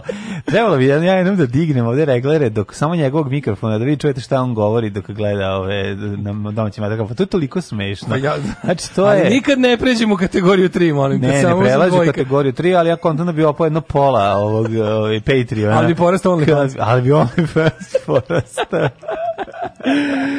e, Grci su imali dobar marketing, Lord Byron je evropski roman romantičari su u Grčkoj vidjeli nastavak antike i da, na tom talasu da. Evropa se uh, zauzela za, za, za, ovaj, zauzdala. zauzela se za interesa Britanije. Helena. Pa da. Ovaj, da. Pa kaže ovako, ovaj, speaking of Dodik, rođaka koja na Facebook stalno kači doktor Jovanu, -hmm. migrante 5G je jutro okačila nekog tipa koji tvrdi da je Dodik potomak jevreja Dodiga, da mu je, da je ideolog sioniste Ariel Levina i da mu je slepo poslušan. Sve u zabrinutom tonu za sudbinu Republike Srpske. Pitam se da li to ludilo krenulo ceo krug ili samo ide spiralno. E, e sad, mislim, Ima tu sve svega. može. Ima tu svega. Što bi se reklo, anything goes. Meni je jako dobar ovaj status predobar eh, od ne pre neki dana. Na, neko teško popodne. Kao da mi Dodik sedi na ramenima na koncertu nevernih beba. Genijalno. znači kad smo kod Dodika. To treba da, da. uđe da, kao Da, da, da, da. To kao treba, treba dobar opis eh, teš, teškoća koje su te zadesile. Kaže, smijem se koji idiotno trošenje servera i da mu dignem regler. E. e, e. Ove, ovaj, ja sam kupovao Playboy zbog tekstova. Ove, ovaj, šta je tu loše? Nego žena bi da ih baci, trebaju li nekome. E, pa onda ovako, juče ušli u podmornicu u muzeju, prvo što mi je palo na pamet, bile su mudre reči oca mlade na napeto kao u pokvarenoj podmornici, Ja bude sad sam se ja setio. O, sad se šta sam noće sanjao. Šta? Čako se pogubio sad dok sam čitao poruku od Marije. Da. Kaže malo me ćapio napad vanike sam se setio šta sam noće sanjao i to sam se kao kroz maglu setio. Setio uh, sanjao sam, znači kako znam da ne gnjaviš ljude kad pričaš svoje snove. Da. bio e, potpuno ne, ako, ali čekaj, začekaj, ako ispričaš do oko podneva, ako podneva ispričaš neće se desiti. Da, ovo se ne može desiti nikako. Znači, sanjao sam da sam u nemačkoj podmornici za vreme rata i da da mi kao ja sam ja sam u toj podmornici. Naravno da si u nemačkoj, ne bi bio u srpskoj govno jedno i Nisam je, znam, uvek sam srpske podmornicama. Ćubre. Mesto da sam u Ravnogorskoj mor podmornici i da koordinišem da, napade. Na bradu. Da. Bradata podmornica. Stari, sta, uskoro, mislim da se neće u školama učiti o ravnogorskim podmornicama za 10 pa godina. Pa jedna što su Britanci, kom su Dobrivo Britanci je, došli? Dobrivo je Đorđević, ravnogorski podmorničar u emigraciji, umro ubilo ga Tito. Tako, nego ova britanska podmornica koja je dovosila agente, bin, su i kasnije poklonjene četnicima, Pa su I oni su kroz moravu išli na kupanje na Brione. Jeste, da, da, da peru e, Ja ti kažem da ćemo mi za 10 godina u školama učiti o, o, o, o ravnogorskoj floti. Sad učimo dva antifašistička pokreta. Sledeća je ravnogorska flota, a da. onda ćemo učiti o Dobrivoju Peroviću koji je bio šef Dražinog atomskog programa da, koji mora da emigrira. Koji je bio ljudsko torpedo, da. koji se sam torpedirao u nemački brod, ovaj Adolf Hitler koji je bio usredren. Ko, kog je vozio Tito? Kog je Tito vozio sa usredrenom da, na Balaton. A naravno, naravno, naravno, da, tako sve, je to bilo. Sve, je, sve, sve učiti za 10 godina. Ali moj san, pazi, ja sam u Nemačkoj podnoći, znači, naj, najneverovatnije nešto što sam ja kao, e, ja sam tamo... Kaži ja sam svi bradati iz Nojevi. Gro, ne, najsmešniji svi imaju šle, Nemci imaju šlemove u podmornici, nose šlemove, što da, nisu da. radili, ali ovi su, me, moji Nemci su kao takvi. I samo kapetan ima onaj kožni mantil i onu kapu, mm -hmm. onako, onu moraničku. Ko ima kuglu s tima? Nema njih, ja. Ali, po, što, znaš šta je kao, ja sam u toj podmornici, i mi plovimo i sad, ovaj, uh, ali ja nisam, ja kao ja nisam vojnik i svi znaju da ja ne moram ništa da radim, kao imam neki specijalan status tu. Kako ti sebi, to je tvoj život. Kao, ovaj, to je tvoj ovaj, život. Što je to moj život? Kao imaš specijalni status. Imam specijalan status zbog nečeg, me niko, kao, kao gledaju me nešto, nervira ih i to sve, ali me niko ne dira. I ja kao kao ne moram ništa da radim. Ja samo tu ležem, izležem se, čitam neke, čitam one signal časopise, kao imam ih jako puno i gledam te signale. I ovaj u fazonu je, tako je bio osjećaj klaustrofobije, ne? Ne, bilo mi jako prijatno. I fore što kao neko se prijatno i, i onda kao kad krene frka, sve komentar čekao nešto ono trese se kao malo podno i to sve. Meni kao sve nešto kao okej, okay, kao miran sam. Zašto? Zato što si gledao tu seriju i znao si šta će se dogoditi u toj sceni. Da, mislim to zbog gledanja serije, podmornica padne na dno, mislim i onda ne bude dignu ono. Ali je ovaj Mm, prosto mi neverovatno da tako da pa, to je baš bilo dosta deči. I onda podmornica padne na dno i ne mogu da je dignu. Pa da. da. To to i u da i u seriji. Mhm. Jer e, bilo nešto, se nešto desilo važno, se pojavio ja. Ne, niko se nije pojavio, nego mi je bilo čudno kako sam ja u Nemačkoj podmirci plovimo i kao ja sam u samo da sve bude okej. Okay. Ništa samo tako to mislim da sam ja, da, ali da, jako je važno da sam ja tu kao nešto smiran i spokojan dok oko meni ljudi ratuju. Ono. Da, to da. je. To je. Ove, Daško fura ravne tabane u nemačkoj podmornici. Trošimo server ko Bizmarkovu ženku. Ako u zdravlju. Samo uzdravlju. A, pa kaže ovako, a, rođendani. Hiljad, eh, samo 905. Izvinjam se. Konstantin VII Porfirogenit, vizantijski car i hroničar. Zašto je bio? Da je bio hronično bolestan. Da. Zašto je važan o nama? Zato što u spisima Konstantina VII Porfirogenita možemo pročitati o tome kako Srbi došli sa Venere, a žene sa Marsa. Tako je. Kako su Srbi se pojavili u 7. veku. Srbi su sa Marsa, žene su sa Venerinog brega. Znaš kakve knjige imaju kako Srbi su. Ne, ne, ne možeš da veriš šta kakve gluposti. Pa, ti znaš da Ali sam ja zašto pasionirani posetilac tih alternativnih sajmova knjiga gde, gde divljaju izdavači poput Ukronije i Iktus da, da, hrišćanske knjige. Pazi oko, znači Konstantin su... Porfirogenit, da. vladar i hroničar koji je zapisao Nema taj e, pojma. U 7. veku zna bolje. o tome o dolasku ovaj Slovena na Balkan. E, Jovan Deretić je u 20. veku zapisao da, da suprotno. Da, da su stigli sa ono vasinskim brodom iz ono bosanskog broda. Da. A znaš kao te, te, pri, te, te, gluposti, te ono, a sve to počinje sa ono, istoriju, antičke Srbije. Istoriju pišu pobednici. Istoriju antičke Srbije. I onda, onda pa vi nemojte da pišite, pošto ste izgubili sve ratove. Znaš, ono, ako, ne, ne, ako istoriju pišu pobednici ne, ne, ne, i tvrdite to, ostavite plajeve, izgubili ste sve teritorije. Ko je pobednik? Čekaj, samo, ajde da se, kad bi ja... ja pa budalaštine, samo budale Ne, kad hoćeš da razgovaraš sa ludacima, pa ne možeš pričaš sa nekim ko nema pojma. Onda istoriju pišu, kao, to je zato što istoriju pišu pobednici. Kaži ko je tačno koji ko je tačno pobedio pišu štreberi. Da. Ko je tačno pobedio u čemu, pa je rekao da su Srbi došli ovde u, u sedmoj. Pa Koliko, Šta, šta je tad imao da se pobedi? Ja, strašno. mi nije jasno. Uh, Kažem ti, neobrazovanost, plus, nedostatak obrazovanja plus beskonačni internet i mogućnost da biraš sebi ono što ti se dopad, dovodi jednako do... Paja. Jednako, jednako je paja Leviatan, pa, ne, to je to, da. 1853. Wilhelm osta... Svi opaju što je umro juče Ma naravno. Ali ja sam kao, kao e. nisam samo ja, kao uspeli smo da banujemo Zapada Todorića, ali nisam to samo ja uradio, ovo je bila kao zajedno zajednička akcija. Sad mu više ni njegov ustaški lobi ne može pomoći jer je pozvao na genocid srpskog ja, naroda. Daško, Daško zvao, dobro, ali to stan ustaški, da, mogu li dobiti da lobija? E, Možete mi pomoći? Ne možemo. znači, Nažalost, ne možemo, kao, Daško. Ne možemo više pomoći njegov ustaški lobi jer je pozvao na genocid. Kao, pozvao si na genocid. A, ono, ne da. znam, Jer da je ustaški lobi ne može da podnese genocid. Kao, kao nije, nije, kao, to, nije to napisao. Da. Kao, ne, ne, kao, zna se da su Srbi četnici. Kao, ne, super. Nemoj, nemoj, joj, nemoj. Nemoj se više hvaliti. Ovo, ovaj, 1862. rođen Franjo Krežma, skladatelj. Pa mhm. Frederik sodi engleski kemičar, pa 1878. Milan Nedić. E, Milan Nedić, ovaj, borac za, ovaj, za Nemačku, za veliku Nemačku. Milan Nedić, srpski političar, bivši načelnik generalštaba Kraljevske jugoslovenske vojske, najpoznatiji kao vođa marionetske vlade u nemačkoj kupiranoj teritoriji, takozvanoj vladi nacionalnog spasa na jedan najveći govnar u istoriji okay. svakako. Uh, Ellsworth Payne Kilip, američki Čovjek koji je požurio da svoje ovaj, sugrađane jevreje što pre pošalje i da napravi od Beograda grad bez jevreja čovjek koji je u su priči da će sačuvati jel da um, molim te mladen, to se kaže srpski... ču, kaže se čuva biološku supstancu ne, pa srba. Da da to da će da Tako to, se sad kaže. sam da kažem da, se da sačuva biološku supstancu srba ovaj bio spreman da ovaj, dok su ovaj, komunisti ludovali kao avanturisti da Nedić je na sebe preuzeo žrtvu i on se žrtvovao za Srbiju. Tako, će, tako će se u školama učiti, verovatno. Uskoro, 1910. Već se uči. Međutim, Zajedno sa ravnogorskom flotom. Da. 1910. Pa, rođen... Čekaj, mislim da je odpačena rehabilitacija njegova, tako ako ništa. Da, ako ništa. Da, da, da, da. Uh, sad će se pokušati neće da, se učiti to. Će... Mislim da taj deo neće se učiti ako mislim u stvari što što ti kažeš ništa. Čekaj bre ako se izvini ako nam se u da. politici da. pojavi lik koji potražuje nekakve ono pašnjake i nekretnine u centru Beograda možda a oduzeti su mu baš u slučaju ovoga onda će da i to da se ono dovede u pitanje. Pa pitanje ko je sad vlasnik toga? Pa mi to zaboraviti. Njegov, taj, taj njegov, on, je debeli, on je njegov debeli unuk, on je Aleksandar Nedić. Taj je da. bukvalno bio u fazonu, najsmešnije je bilo što on kad je počeo da se bavi rehabilitacijom svog dede je bilo, a ja bih ga trebao mi kvadrati da bi na kraju da bi na kraju završio po tim nekim carostavnicima i sličnim da. neonacističkim kafanama drži predavanje o tome kako je njegov deda bio car. Mi kako bio super. Tako da je bio carostavan. Da, da. 1910. rođen Skender Kulenović, mm -hmm. 14. Veljko Vlahović, Kakva faca Učesnik španskog građanskog rata, španski borac, narodno borbe, društveni politički radnik, ugao volim. Politički radnik. Junak socijalističkog grada, narodni heroj i uh, aforističar, čovjek, da. sve stizao. Pisac humanista. Uh, e, Jozef Herbert Ernst Fiala, mm -hmm. E, uh, automobilski inženjer. Pa on Artur, šta je, šta je Fiala napravio? Uh, nemam pojma. Ajde automobilski inženjer, šta je šta je na autom svakom automobilu i tvoj automobil to ima. Stvarno? I stvarno znaš? Ili me sad, ili ćeš sad da me drndaš 5 minuta da kažeš? Da te, da te drndam 5 minuta, ne 1900. Ali dobro sam nastupio. Ja sam mislio. Ja, bilo jako uverljivo. Zvučio da. si kao neki ćale koji zna da on izmislio da, da, kvačilo. Da, lupio sam, lupio, ništa. Kao on je kvačilo. Ništa ne znam. A da sam, ja, sam car privatno. A da sam ja iz topa rekao kvačilo, ti bi rekao, stvarno. Ne, rekao bi svaka čast. Pa, i da, i ja bi nastavio da, dalje da, da, kao da, da, da. glumim da sam I onda bi neko poslao poruku, šta kenjete? 1932. Blago Jađić. Se mhm. sjećaš Blago Jađić? General Blago Jađić. Blago Jađić meni izgleda kao najveće gluperda na svetu. Mhm. Da ima tu neku... I onaj kako se Ne, bio ne još gluplji, Ojdanić.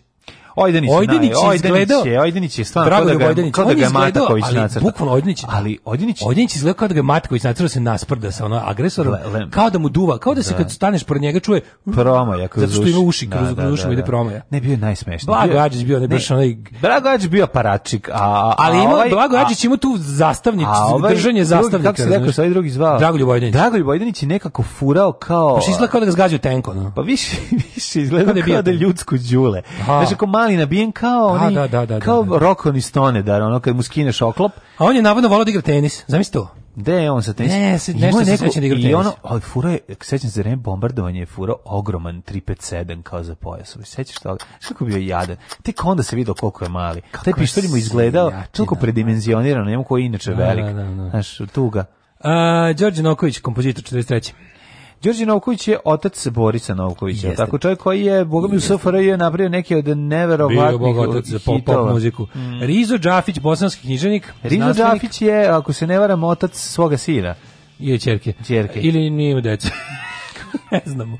E, Zvonimir Serdarušić, rukometni trener. Pa onda tako Karis je. Škoro fudbaler. Čeki prelaziš preko Serdarušića tako. Zbog čega je šta je u rukometu? A tebi Serdarušić ima ni Šta je, šta je najvažnije u rukometu Serdarušić izmislio? A četverac bez kolmilara kako ne bi znao.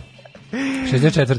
Jimmy Connors, američki teniser, 64. Keanu Reeves. Jeste. Keanu Reeves, e, Meg... Američki glumci iz Kanade, pored. Muzičar manager koji se kao i mi pali na cakanu. To smo videli. Jer smo videli kako mu izlaže. žena. Sve kako su mu kenjali zato što mu žena izla starija od njega. Da. Mogu stvarno da mu puljune pod prozor. Inače, Keanu Reeves je očajan glumac. Ja njega nigde nisam vidio da je dobro mm, odigrao. Znači, svude je ono svuda je loš, ali ne veze nekako. They went too ali, far. Hoće kažem, Keanu Reeves, da. they went too far. Oh, we went too far. Jesi vidio da su krenuli, ove, ovaj, da, da su snimili sad Bilove i Tedove velike avanture na Zašto to ne gleda? Pa zato što će Izašao, izašao, izašao. Ima, već da se skine. To ne može biti dobro. 1966. Mada pa mi je drago što oni... Što je drugi. Što Bill izašao, što, Bill, što da, ovaj Ted. Ted, da. Bill, Bill Garant nije jeo ništa od tada. Bill ništa nije. Da li znaš ko je da je danas rođen i gospođici Hayek Jimenez? Jeste, Selma Hayek. Meksičko-američka porno glumica, meksičko-američka glumica, producentkinja i model. Selma Hayek. Tak Watkins Od kad smo je vidjeli od, od, od sumraka do svitanja. Meni, se, meni još nije se sumračilo. I znači tad, tad mi je svanulo. Kad pije, piju iz one njene cipele, ili ona pije iz cipele. kum, tamo pije iz cipele, pozdrav za kuma. Pa posle toga ove, ovaj, smo je vidjeli u, u, u ovom des, Dešperadu, Pa nakon toga smo smo gledali na Disperator, to je Disperator je dalmatinski ovaj Disperator, Dispetator.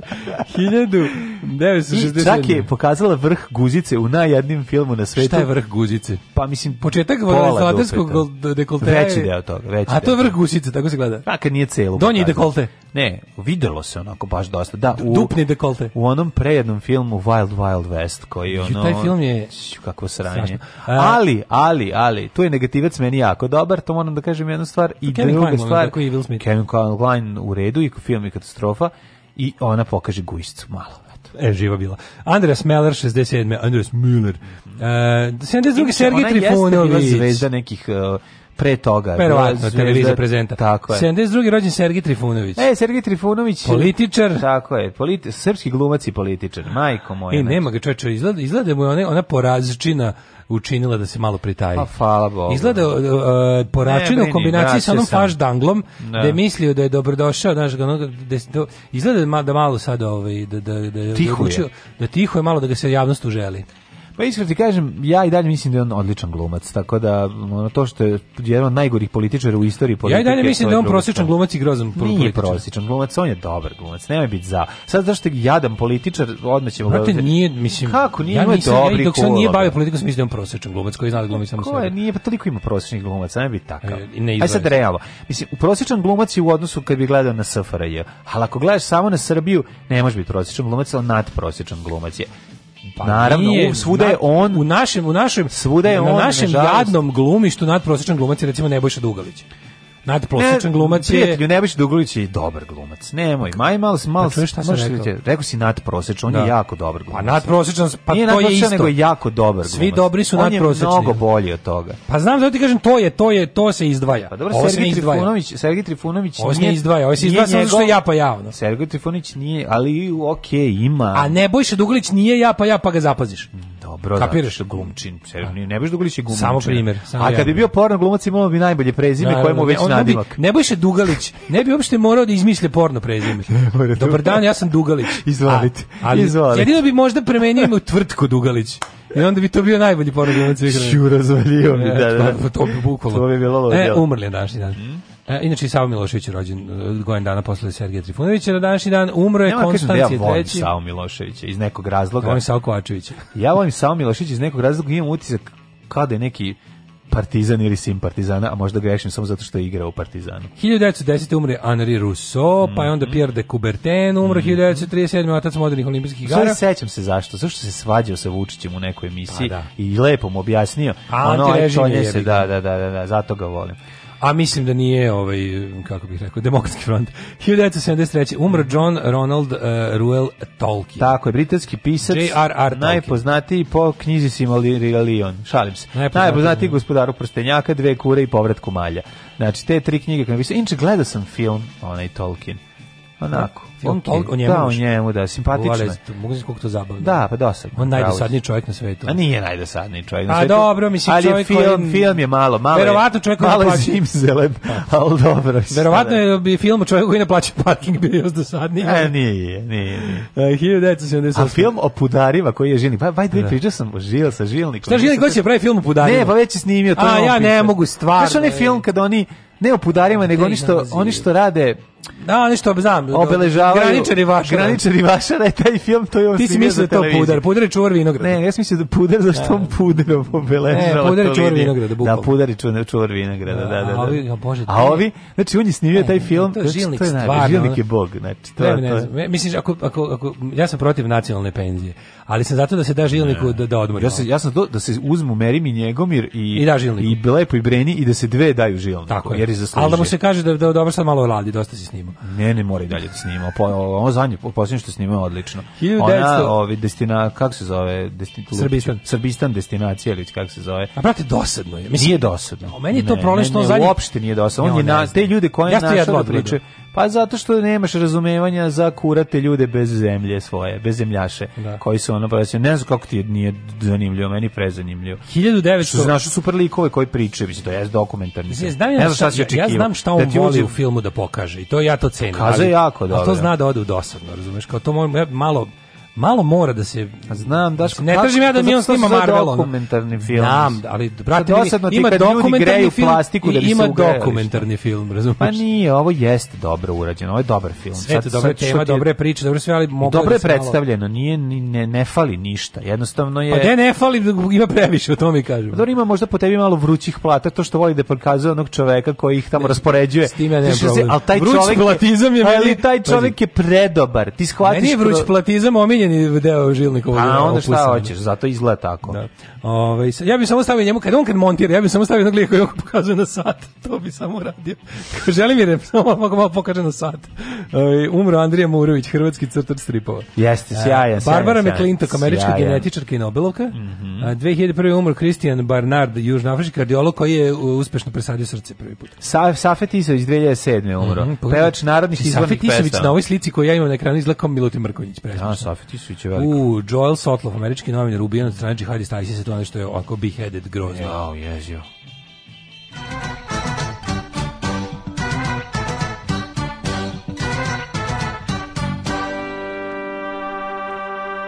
E, pa Odmah ćemo i vremenske prilike.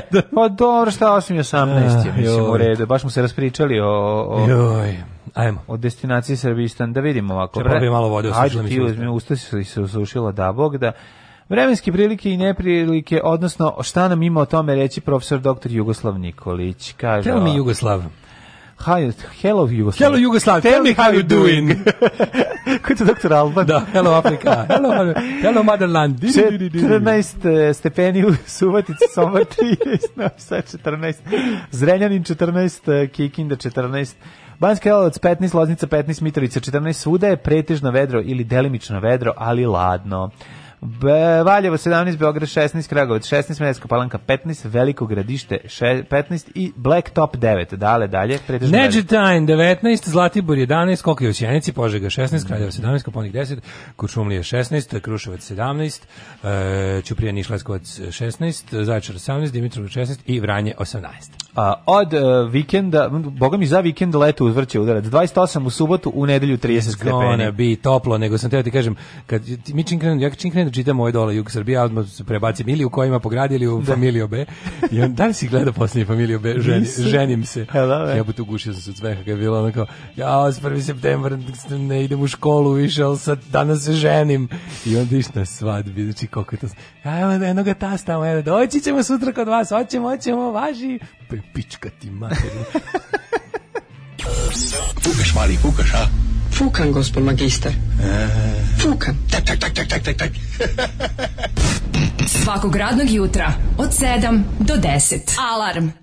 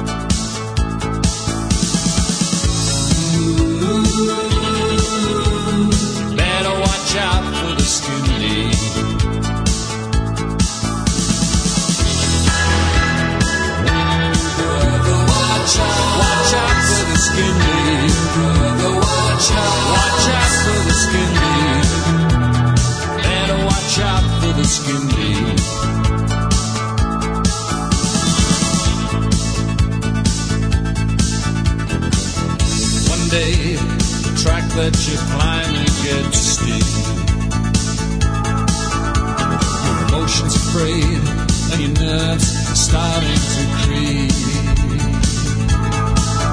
Just remember the days, as long as the time that you keep. Brother, you better watch out for the skinny deep. Ooh.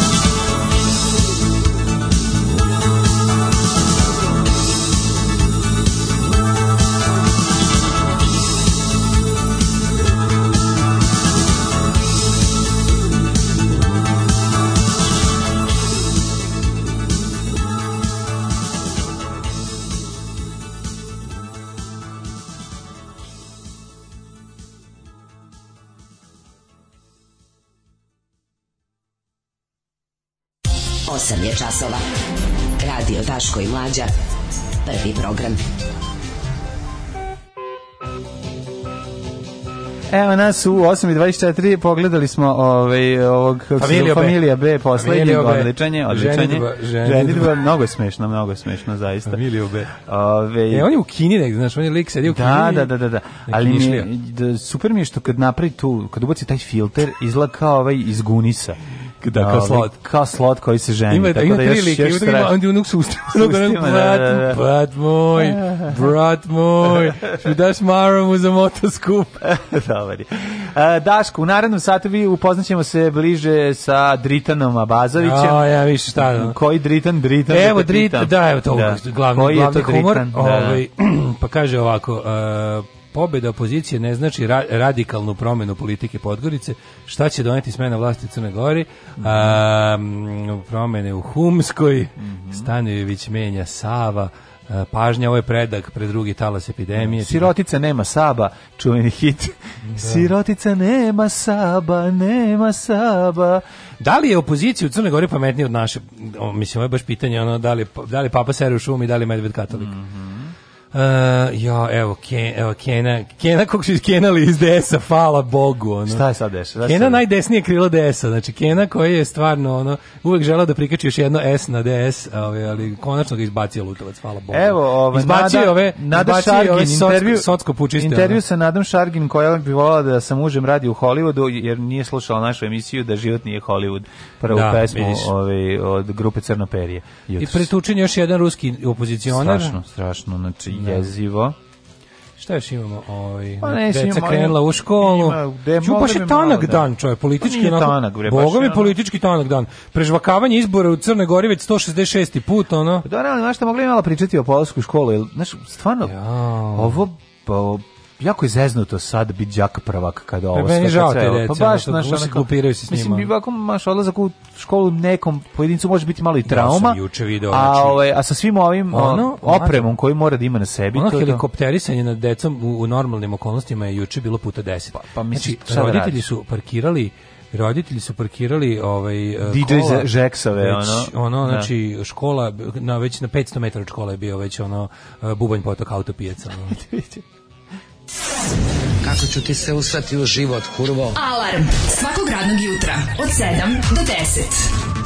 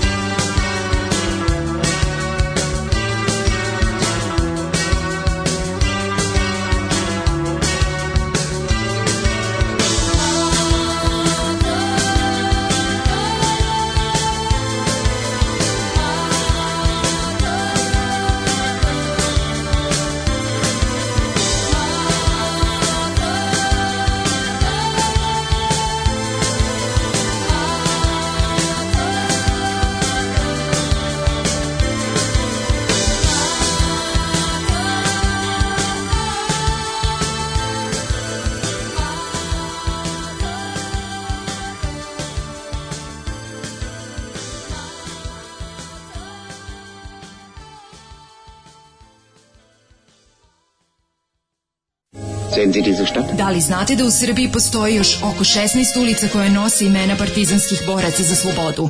Zajedno možemo učiniti da sećanje na antifašističku borbu zaovek nestane. Nazovimo ulici po saradnicima, okupatora, popovima i gazdama. Revizionistička akcija Srbije.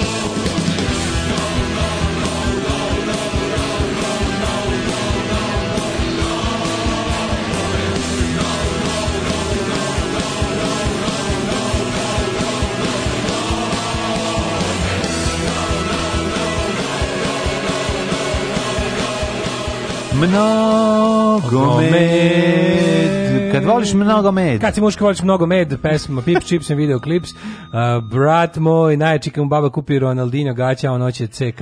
Uh, kočio sam se kad sam gledao, ako niste baš ste pogledali novu kriku u priču od juče, juče nisam stigao. Jako mi da. žao, ja sam da ovaj vidim da je neka velika priča ovaj gru, o kod onih grupi Amerike, ne znam, jesi ti stigao nešto da pročitaš? Mm, mm. mm. Ali sam samo video naslov. Da, e, I e, prošao sam naslov. E, Žilnik... Grupa Amerika, tako piše.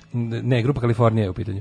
Žilnik mora da... Kalifornija, to je bio njen sam. Žilnik mora da baci eksplozije, više sisa, podmornicu, tenkove, tuna, stejk, jastog i bazen s grenjem. I da se izbaci ta sirotinja, da nas više ne uznemirava. Aha, e, moj muž je, kaže, ovaj... Uh, moj muž kad je prijavljivao našeg novorođenog sina nosio biografiju Save Milošića dokaže u opštini da je Savo muško ime. Jo, kako dobro.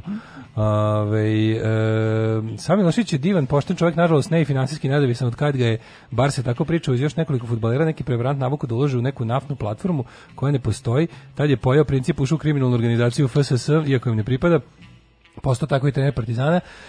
Ima talenta za taj posao, ali je za vikend baš u Novom Sadu izgoro zbog učestalih sudijskih krađa i povlači se sa tog mesta. Mhm. Mm -hmm. Ove, ovaj, kaže, kako tolki najdosadniji bore su bici na somi? Da. One deo dve kule kad prolaze kroz mrtve baruštine gde leševi vojnika leže u vodi i inspirisan time. Ma ceo, mislim, ceo film, ceo, ceo drugi, sve, ceo prvi svetski rat njegov je ova inspiracija i lepo su oni to povezali. Nije, ali kako, jednostavno, možeš i da ga ne pogledaš, nije sad nešto ćeš pasti. Ratovi su masovni događaj u kojima, u kojima učestvuju mnogi dosadni ljudi.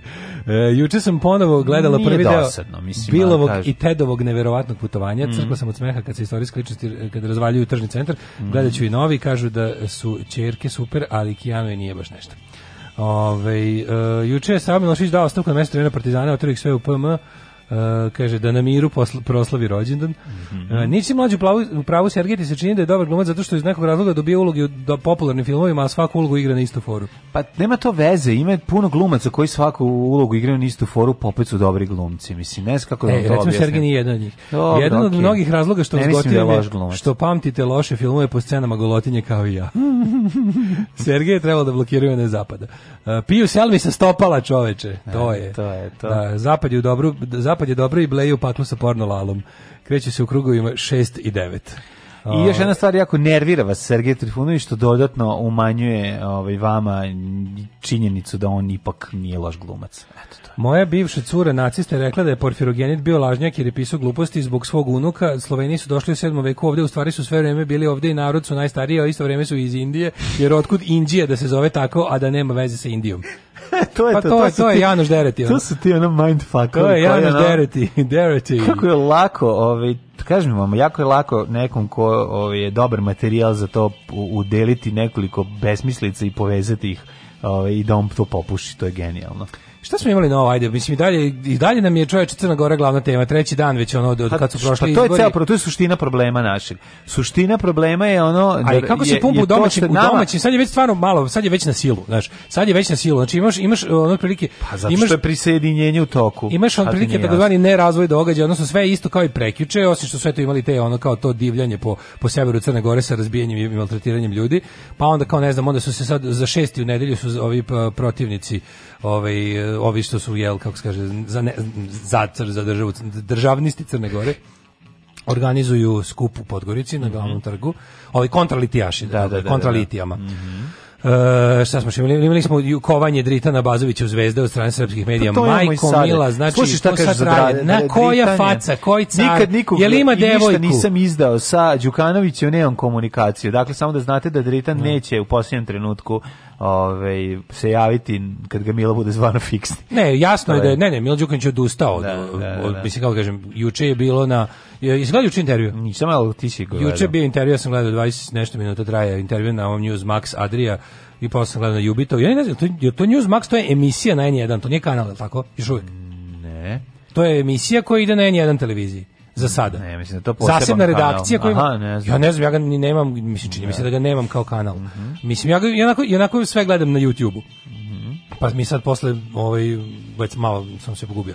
Ali uglavnom ovaj video sam ovaj kako se zove intervju i i mislim Đuković je kao da je rekao da eto okej, okay, eto imaju većinu nek formiraju vladu i kao rekao je u fazonu kao ja sam tu gde ja sam nikud ne idem predsjednik sam Crne Gore kao naš ne, nema ono ne postoji način da me legalno smene ovi e, u fazonu kao ko ima većinu neka napravi vladu šta sad kao naš sve je okej okay, neće biti nikakvih samo kao eto apelujem da, da se kao ne da se ne radi stvari kao što se radi na severu Crne Gore i ovaj ga nešto mislim ovaj novinar bio dosta kupo ja sam mislio sad da će da biti na kolož nije bio ložan intervju znaš mm -hmm. uopšte nije bio ne ništa nešto ono kao Što ga pitao i odgovarao, znaš, mislim Mila ima taj svoj uglađeni diplomatski rečnik da ti bukvalno, ali znaš, on ne menja uopšte ritam govora. Ono, to, pa da. On je najprofesionalniji političar ovih prostora, pa da. apsolutno. On je da. baš ono pa zašto je išao znači, u osnovnu političarsku i srednju. Da, on je on je on je išao bukvalno, da. On je on je bukvalno ja kapiram da njegov šeste godine sprema. Da, pa vidiš fotografije, ne znaš što vidiš fotografije njega Slobe i, i, i ovog e, Momira. Da. Čuče, ovaj ovaj iz, ovaj izgleda kao da ima 11 godina, on je premlad. Da, da, pa, ono, mislim, verovatno ima on, 11 ima, pa ima tu 23 recimo, ne znam koje on godište, ali ono... Pa bio je pre... Mi, no, da, da, bio on je, mlado.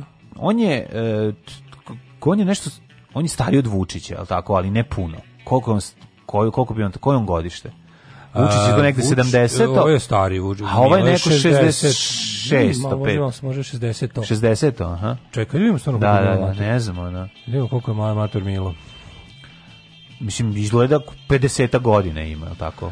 Mirović sad bliži 60. Pa ima gađao neko. Rođen je 58 godina, 62. Pa, 62. E, iz Nikšića. E, e, da. Ove, ovaj, e, tako da taj intervju je bio onako, znaš, vidi se da nešto je on delo, da, da, naš, mislim, on stvarno, po njemu ja, ne, ja ne mogu da zamislim, zapravo, najveće njegovo padanje u vatru ikada je bilo Babo Kateni. I to je najviše, i to nije bilo ono onako, i to je bilo Mislim, ja tako ne umem ni da, kad mi pomaše, i meni kad promaše premaz u pljeskavičnici, ne znam da budem tako, i da. više padnem u vatru od toga. Da, da, da, A da. on, ono, otprilike, šta, ono šta god radi, on, znaš, jer jednostavno... Pa dobro, zašto je ogromno iskustvo? Čovjek prolazi poligraf jednostavno. Pa je, uvek. uvek. On je čovjek poligraf. Uvek čovjek je, poligraf. Ali ovaj, ono što, što se meni čini, ja mislim da je ovde isto...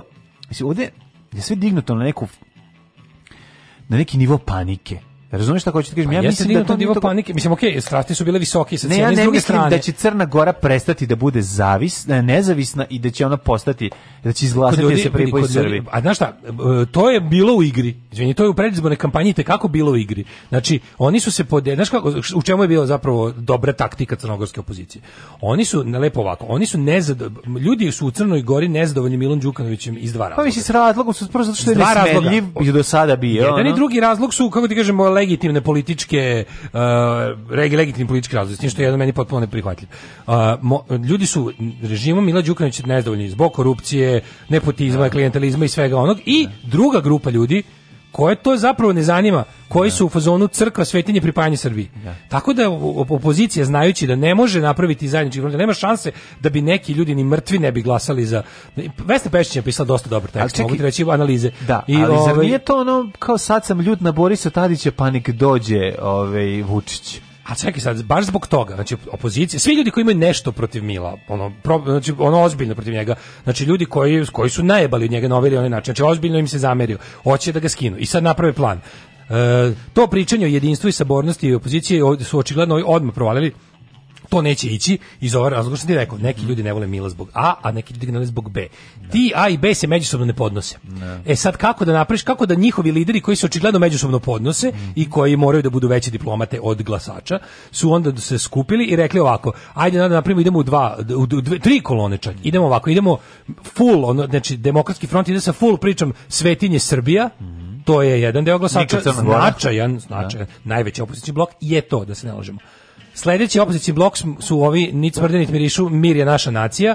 Znači otprilike koalicije između ono ovih i ovih znači i treći blok URA koji je ovaj Dritan Bazović, njih, njih, mislim, njih je ono finansirao lik koji se posljednje otrga od Mila Đukanovića, to je ovaj što, vlasnik vijesti, isto crnogorski tajkun. Da, on, je, da. on, je, on je, kako ti da kažem, ono, on je dao lovu toj uri da se, da se, mm. uri da se odjednom pojavi na, na politici. Mislim, ništa, ni, ne može ništa bez para. Da, mislim, da. kako ti kažem, eh, građ, ono, eh, poštena, građanska uh, grassroots organizacija koja nema tajkuna ovaj, iza sebe izgleda kao ne davimo Beograd. Da, e, da, e, ako da. hoćeš da to popneš na nivo velike, te kao, ukoliko hoćeš da popneš odjednom, brzo, za na primjer izbori se raspišu ti sad pod hitno hoćeš da skočiš u sledeći rang politike, možeš da se sastaneš jednim čikom ono u garaži podzemno i da će on da ti kaže to to i to tražim. Uh, u principu naša veza, naša veza će ostati da. tajna, a ćete vi otprilike kad dođe vreme glasati za ovo, a nećete za ovo, tako bla bla bla. Tako da ono ne mislim ne treba imati iluziju da je to nekakva ono, mislim, naravno oni se da, da se oni kao predstavljaju kao to, ovaj da su oni nekakva ono iz morske pene nastala ono, ali nije tako naravno. Ali morske sad, pene neko šora već. A, I onda u tajkun. I onda onda su ovaj i onda su se oni kao dogovorili kao idemo tri kolone, to ćemo ovako da radimo. Uh, svi ćemo pred izbore da furamo svoju priču i da taj strah da je jednostavno kod jednog broja ljudi da ona kao fuzon kao brate pobedila je jedna od jedna od kao članica pobedničke buduće većine u skupštini jeste organizacija koja je rekla šta su i ciljevi ono kao jačanje uloge crkve u društvu jače pripajanje sa Srbijom um, ono jednostavno negiranje crnogorske državnosti mm. i to jeste bio legitiman strah ali je sad dobro u tome svemu što smo juče već rekli niko tu nema znači jednostavno forede tu svako svako je jednako važan a kad je svako jednako važan onda je najmanji najvažniji mm. el kapiraš mm. tebi jednostavno u odnosu na to koliko je mala ta ura uh, a bez njih ne može ništa e sad oni mogu ukoliko žele sad sad to će biti pitanje šta će da. biti uh, politika tog jel tu tu tu sad ide onaj deo čovjek koji je dao kofer para šta će da. tražiti ja verujem da čovjek koji je dao kofer para ipak neće tražiti jačanje veza sa Srbijom nego da će ovaj da će Dritanovci morati ipak da da se drže svog predizbornog programa koji je bio procrnogorski. Tako da ono e, zbog toga to nije ni moguće, kažem ti. A ovi rekli su juče, mislim, stvarno rekao je i taj e, glav ovaj kako se Kapić iz demokratskog fronta je rekao da da oni kao niti imaju snage, niti niti kao žele da menjaju ovaj spoljno politički kurs. E, Crne Gore, tako da ono kao da, verovatno neće biti tako radikalno i mislim da će sada ovo orgijanje policama ono nošenje četničkih zastavi, to i oni ljudi obučeni baš kao statisti iz ono Užičke republike ili, ili ne znam, 13, ne 13 da. Gila, nego čak hajke i potere, da će to biti, da je to zato, da je to zapravo i da, da su to nisi dogovorili, da tim ekstremnim elementima u svojim redovima kao daju malo oduška i tu će biti sada ono sranja neko vreme, ali će se to isto izduvati i onda ja, ja verujem isto kreće biznis iz Južo, ali isto tako verujem da će biti da, da je ovo da je ovo nije kraj ovaj podela tih tih kako da kažem E, opasnih podela u crnogorskom društvu. Mislim, Đukanović juče rekao kao, ja, ja kao, ne mislim da će biti... dogovor u kome će Amfilohije biti poglavar crnogorske pravoslavne Pa mislim da nećemo, mislim da ste da je to da se to neće desiti. Neće to, to bi bilo u slučaju da je pobedio opet DPS. Ne. Jer ono kao, ali s druge strane kažem, ja sam mislio isto da kad je ovaj da da je Đukanović imao bolji plan i, i veću snagu kad je odlučio da krene na na, na listu, ali očigledno nije imao, preigrao se tu ovaj, zaboravio ulogu, ovaj, istorijsku snagu jel, Srpske pravoslavne crkve, stvarno to je mnogo staro preduzeće. Ono. Tata Crnac. Pa neke si. Dođe. Ajde, izvolite na kafu. Ušte ste unutra, dođite na kafu. Pa dobro. Ajde, izvolite. Alarm sa mlađim i Daškom.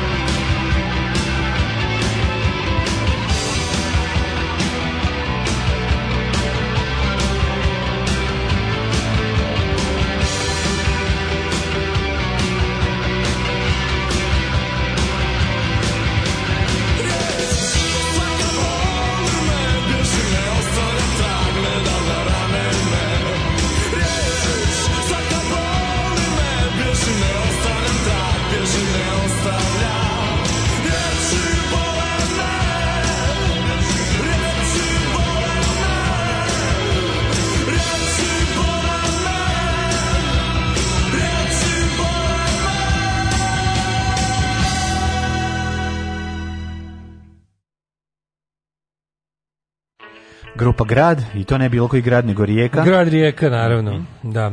Ovaj um, kaže, zavisnici o veri će se izboriti za nezavisnost Crne Gore. Uh, meni je dritan malo Rabin John Turturro do Plot Against America, to sam ja isto rekao juče kad sam pričao s nekim privatno. Ovaj uh, e, kaže neki Crna Gora maturke, svejedno bilo sada samo šta, samo da uh, samo da žvaljo nije u centru pažnje. Kapiram da je pao depresiju sada pa će da padne gostovanje u oko ili kod Marića. Ne, ja zapravo mislim suprotno. A juče su inače krenuli već disonantni tonovi. Mm -hmm. Tako da ono kao i to je malo čudno, ali da, nešto je nešto je neuobičajeno tih. Juče je bilo to nekako hvaljenje kako kako je ga je Angela Merkel nešto nešto strašno, mislim, kao bilo to neki on je nam ispričao kako se Bog zna kako on ispozdravljao, pričao s njom, on u stvari ono napravio otprilike grupni poziv da, po, da, da, da pozdravi sve učesnike te konferencije na kojoj je bio i Vučić, a, a, a naravno da je to bilo ono, rukao sam se s Trumpom četiri puta. Ej, Znaš. dale, Hmm? Dosta politike i ulazimo u škole. Zašto? Idemo u škole. Škola kako, je politika. Kako izgleda prvi razred ovaj, u ovim novim u, u, okolnostima u kojima COVID vreba i preti? i e, kako to, po čemu se razlikuje polazak u školu u odnosu na ono kad smo mi odlazili e, i... Kad sam ja išao u školu. Sad ćemo da malo pričamo o tome, šta je prvo, primetio sam da na osnovnim fotografijama, nekoliko fotografija koje sam prilike da čini mi se da u svakoj školi nemaš više drugara iz školske klupe nego si ti sam u svojoj školskoj Nemaš klupe. više drugara iz školske klupe su stvar prošlosti da, za sada. Da, to je prva stvar i tu ono mhm. nema one užine da delimo užine i slično, dakle sada To je jedna stvar što Nema one, sad nema one. Druga stvar, nećeš više moći da vidiš ko je dobra riba u razredu, pošto svi imaju maske. Da. Naravno, u prvom razredu to nije ni važno, ali je ovaj kako se, ali u prvom srednje je važno. Juče da. sam video da su i srednje škola krenula, a, i to me detinjski. Treća stvar, ovaj statusni simbol koji ima sirotinsku masku, a koji ima fans. Ja se jesu se deca već raslavila? Pa Naravno da ne, da jesu. Ne znam, stani, da, to ja, to sam sad ja, sedeo, to sedeo, sam ja Sedeo sam na ulici u Istanbulu. Ja pitanje. Sedeo sam na ulici u Istanbulu i video sam tri žene koje su meni jednako bile tri žene u pčelarskim da. modelima koje je muž zarobio Međutim, kad sam malo bolje pogledao,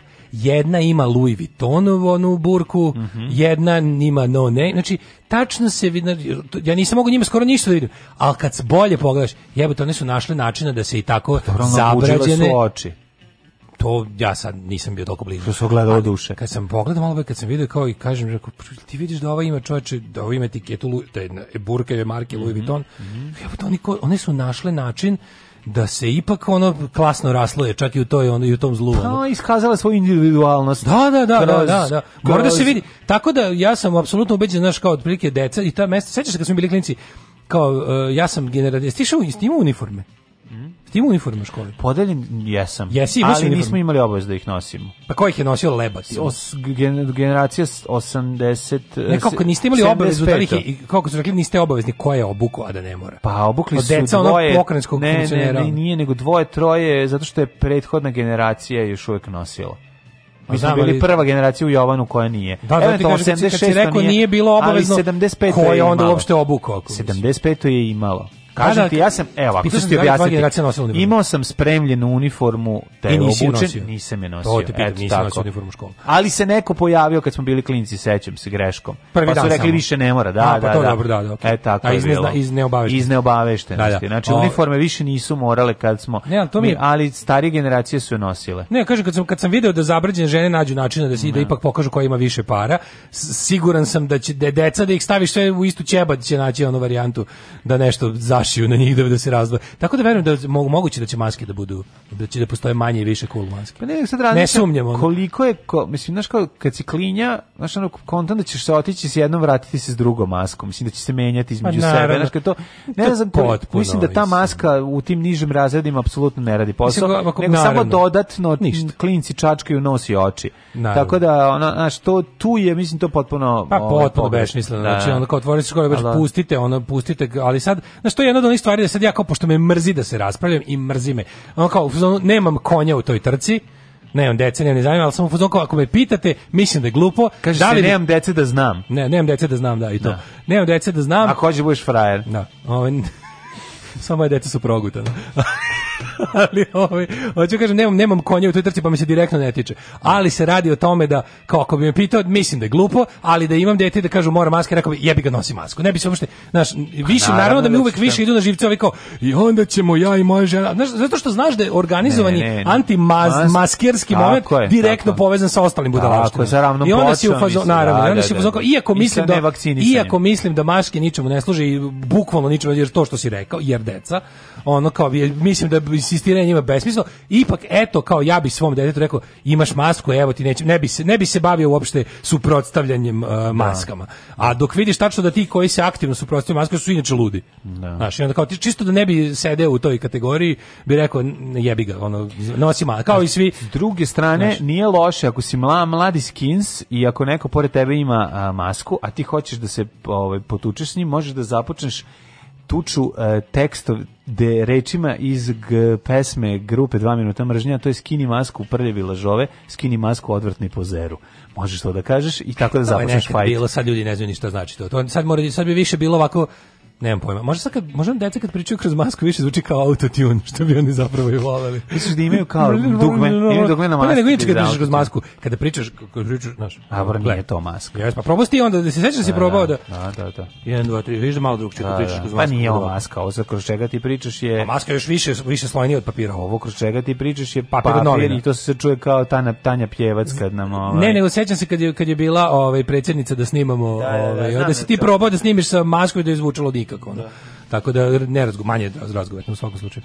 Ove, kaže, e, nek nose maske, šta je tu problem pored svega usranog? Pa dobro, pa, da. Pa, e, pa da. to je sad pitanje kao, plava hiruška ili domaća šivena, to je za sirotinju, a iz dema i one od 250, to je prosek, a one sa kružnim filterima crne i brze su verovatno buržuazija. Pa to će, to ja će isto se mislim, znači, da. N95, N95, te će biti, to N95 je za mene bila Nokia. Mhm. Da. ali dobro. Ove, e, eh, pa onda ovako, kaže ovako i Branke Švedske, jako je glupa odluka da deca nose maske u školi, ne, ne i ne nepromišljene, ne štiti od širenja zaraze, Uh, po nekim studijima 10.000 nosača maski eh, širi jedno širenje, a nameće deci i roditeljima uh, uh, maltreta odloči pažnju od važnih mera kao što su pravilno i često pranje ruku, odstojanje od 2 metra, a još i košta. Žalosno je što i ovo otvara temu koju koriste antivakseri i ostali antinaučni kreteni da se bore za svoju stvar. Zato je pandemija pitanje naučnika, epidemiologa i edukatora naroda, a ne pitanje političara. Da, ovi mislim, zna se da kod nas svaka odluka koja je, koja je ono tako, ono, kako bih rekao, odluka koja je, se tiče veće djela politička odluka i da je ono sve u vezi na sve u vezi postupaka naše države u epidemije bilo ili iznuđeno ili Znaš, on znamo, prošli smo kroz to. Jasno mi je. Jasno nam je, mhm. da- jasno nam je da su sve odluke političke i da da, da, da to e, onako. Gde je bio ovaj gde je bio um, novinar kurira u Joj, kojem prvom razredu? Slušaj, nije bila koje škole, nije bila elitna škola. Slušaj zašto je elitna.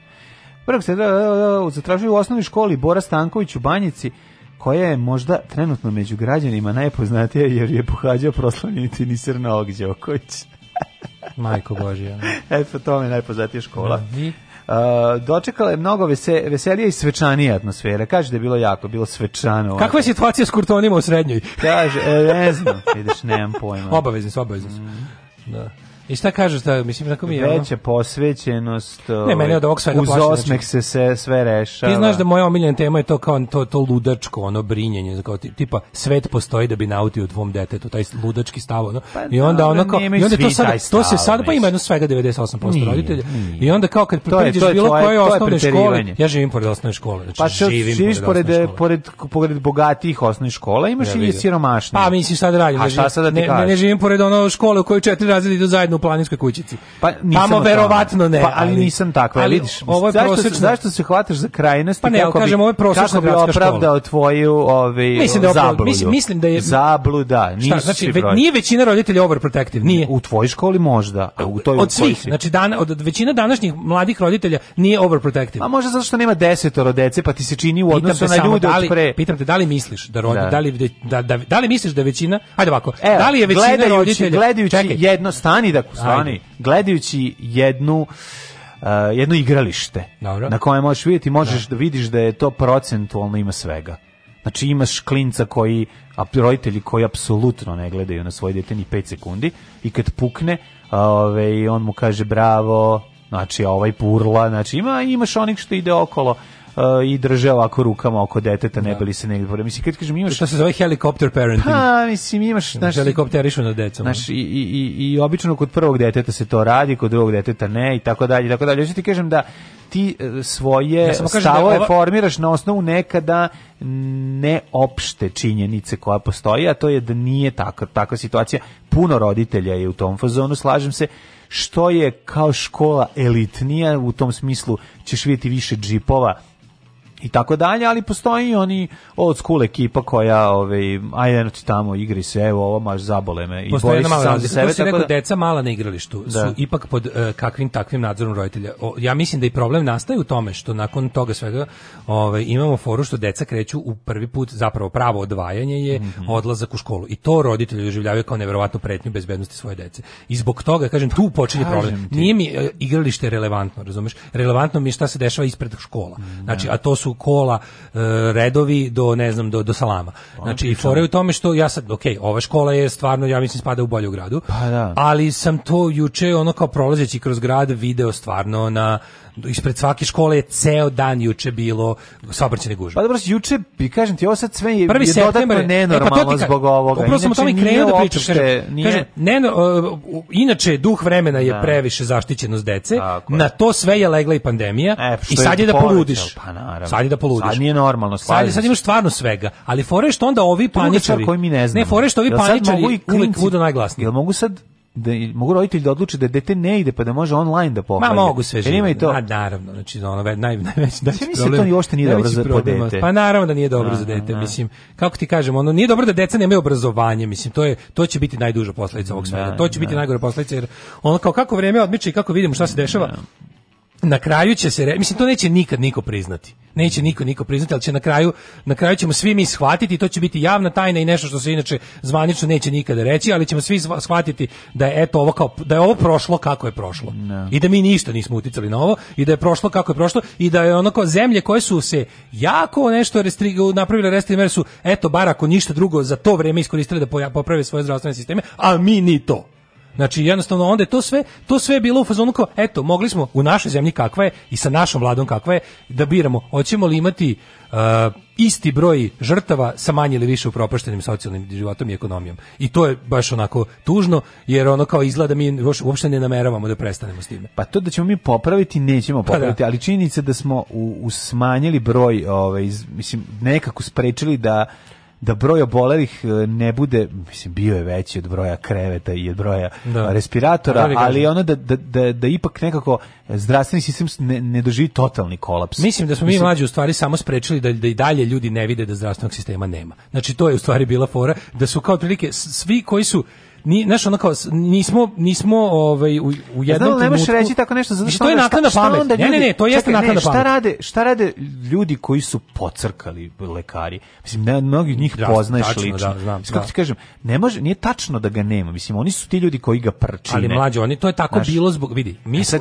koliko je on vidi, ja, ja znam da ja govorim, to smo znam da ja govorim iz pozicije naknade pameti, da. ali kad si već jednom prošao nešto, znači ne moraš da ponavljaš grešku u drugom krugu. Mi se spremamo da je ponovimo, naravno. Da. Mi pa se spremamo da je ponovimo I to što su to, to, to što su lekari riknuli, to je iz dva razloga. Jedno je zbog toga što su svakako radili u neuslovima, pa da. kada se ogolilo to sve i onda šta je bilo? Onda je rastao pritisak, nenormalno je rastao pritisak na lekare od strane njihovih nadređenih, a na njih je rastao pritisak od strane jelo ono kao vlasti i političara i onda se stvorila jedna ludačka psihoza u kojoj su svi jednostavno izgubili razum. Tako je. I tako je došlo do kolapsa ali je glavno sačuvano to je da ljudi ne vide da su ceo život davali pare za nešto što neće dobiti kad im zatreba. Kad nas nema, bolje da se niste ni probudili. Nema mesta na jastuku koje niste ljubili.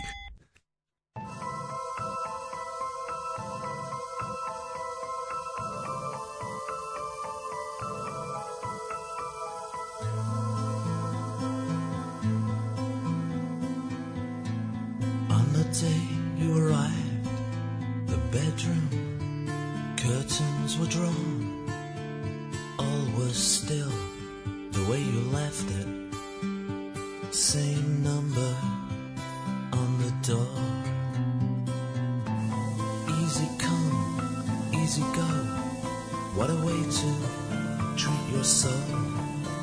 Though I confess, where once hearts rested, now there's nothing but a hole. So the prodigal returns. I guess the pleasure's not enough. Did he promise you the earth, a world of beauty?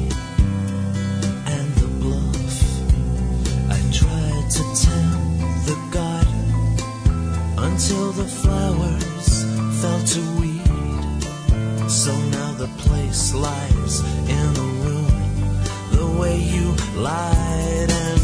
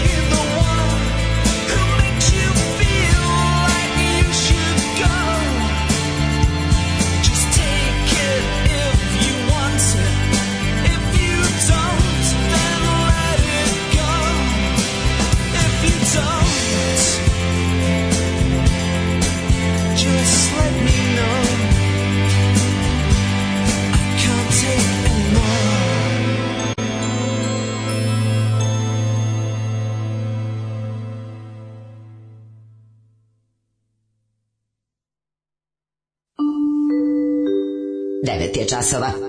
Radio Taško i Mlađa. Prvi program.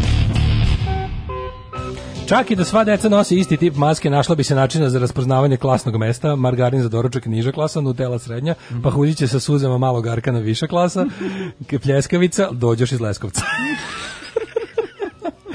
Ovaj decu podelo u dve grupe pre i popodne, tako da druga iz klupe vidiš tek na maturi. Ove, ovaj, da, e, to je to je malo, ovaj to je malo tužno, ali šta da se radi. Evo, nekom ne radi, ovaj, kaže, ne mogu da vas slušam uživo. Dobro. Dobili ste kompliment da imate iritantne glasove, hvala na komplimentu. E, hvala. Tetkice prskaju deci po rukama na ulazu, dobro je da to ne radi domar. Dođe ti čikapera i sprska po rukama. Mama, ja ne bi. Već sam e, jednom da. bio u kotlarnici kad e. smo to... Već me je prošle godine zvao u kotlarnicu da mi prska po rukama. Užas. E, treniram decu košarku. Sve ih mama i tate dovoze, čekaju, gledaju čitav trening, posle istog sedaju u auto i odlaze. Ne smeju ni da pričaju, a ne da se našala jer se stide i plaše reakcije roditelja koji im dišu za vratom. Kao klijent sam trenirao košarku, išli smo peške, bajsom, busom do treninga, na treningu i posle toga smo se družili, zezali i pričali. E, obavezno je preuzimanje dece od strane roditelja. A to je sad tako. Aha, obavezno je preuzimanje dece od strane da, da ga virus ne napadne na ulici. Mm Da mu ne skoči. Deca, deca treba da idu u školu. Moj sin koji sad kreće u sedmi razred za vreme korone skroz razsocijalizovo, počeo da priča nerazgovetno kroz zube što me izluđuje. sve se promenilo na gore, mora škola. Naravno. Ove, ovaj, e, Ne, vidjet, ćemo, šta, vidjet ćemo da smo se izglupirali previše, da smo, da smo previše uh, promenili svoje živote u nepotrebno, ali sad, sad jednostavno fora mora preko, znaš šta, zbog, uh, zbog uh, odgovornih koji su nas to savetovali, ja kažem, ovo je sad sve naknadna pamet. Ja ne, mislim, ja sam poslušao sve što su oni rekli i, i govorio sam drugima da slušaju šta kažu one koje smo jeli izabrali da nam govore.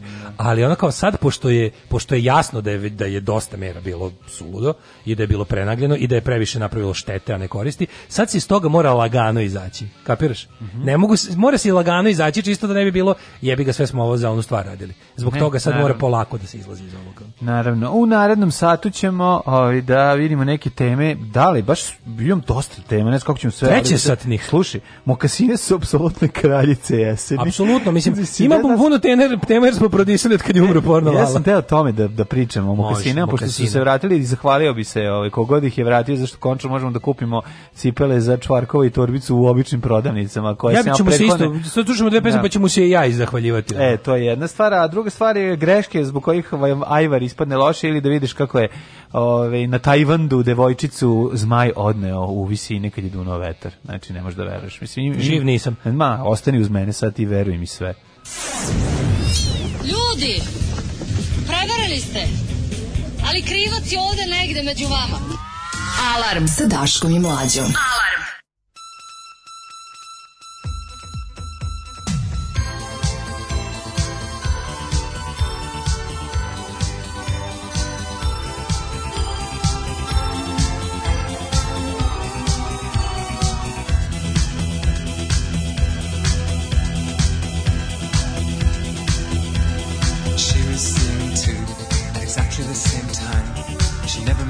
you when she was round at mine, but when you were round at hers, you always made a scene.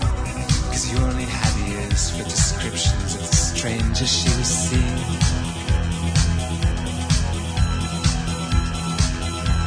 And what she saw in me was only what attracts the many girls I see behind their lovers' backs.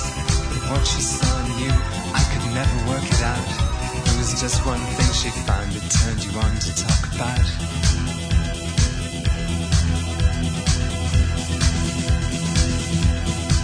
The inexplicable charisma of the rival. You said, describe for me the hairstyle of the devil. Is he passionate? Don't answer. Is he detached? Don't answer that. Does he please you in the sack? Shut up, don't answer back.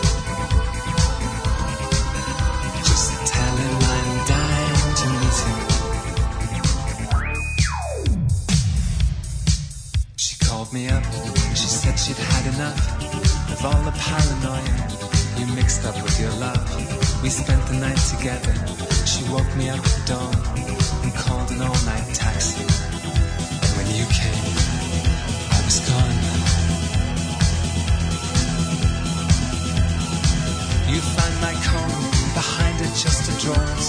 She said she'd slept alone, but the bed was full of hairs. And when you match them up beyond the shadow of a doubt, the hairs belong to BL, BL, BL, BBBBL's book. You began to puzzle out the inexplicable charisma of the rival. You said, describe for me the hairstyle of the devil. Does he make you laugh? Does he earn a lot? dress you up in black. Shut up, don't answer back. Just tell him I'm dying to meet him.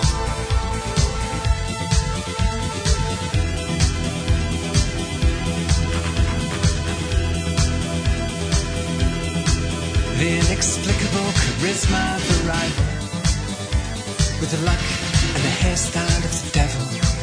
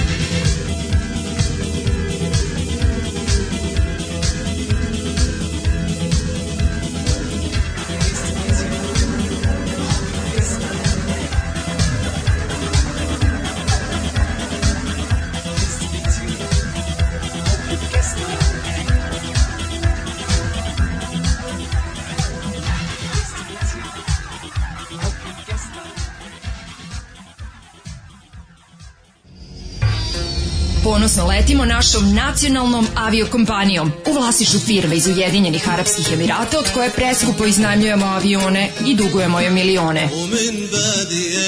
Preskupe karte, low cost usluga, izgubljeni prtljak i najgori tretman putnika. Air Srbija. Air Srbija. Nebeska pljačka. Nebeska pljačka.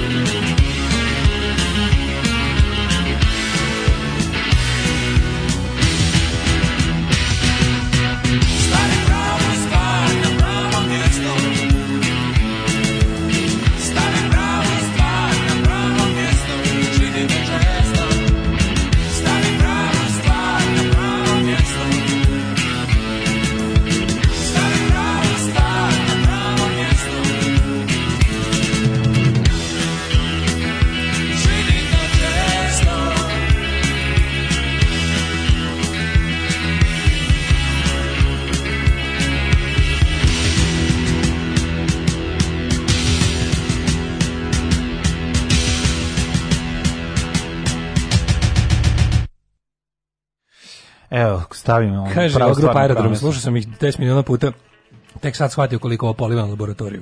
Da. Jeste ova stvar polivana baš na laboratoriju. Mm -hmm. Kaže, ovi, pa ima puno nju. Kako vesela melodija, tera me da stavim stvar na pravo mesto. o, bi bolje u nekoj besnoj punk rock verziji. Mm -hmm. e, semantičar sa ceraka, zagonitka. Puna škola vrata, nije otkud džaka.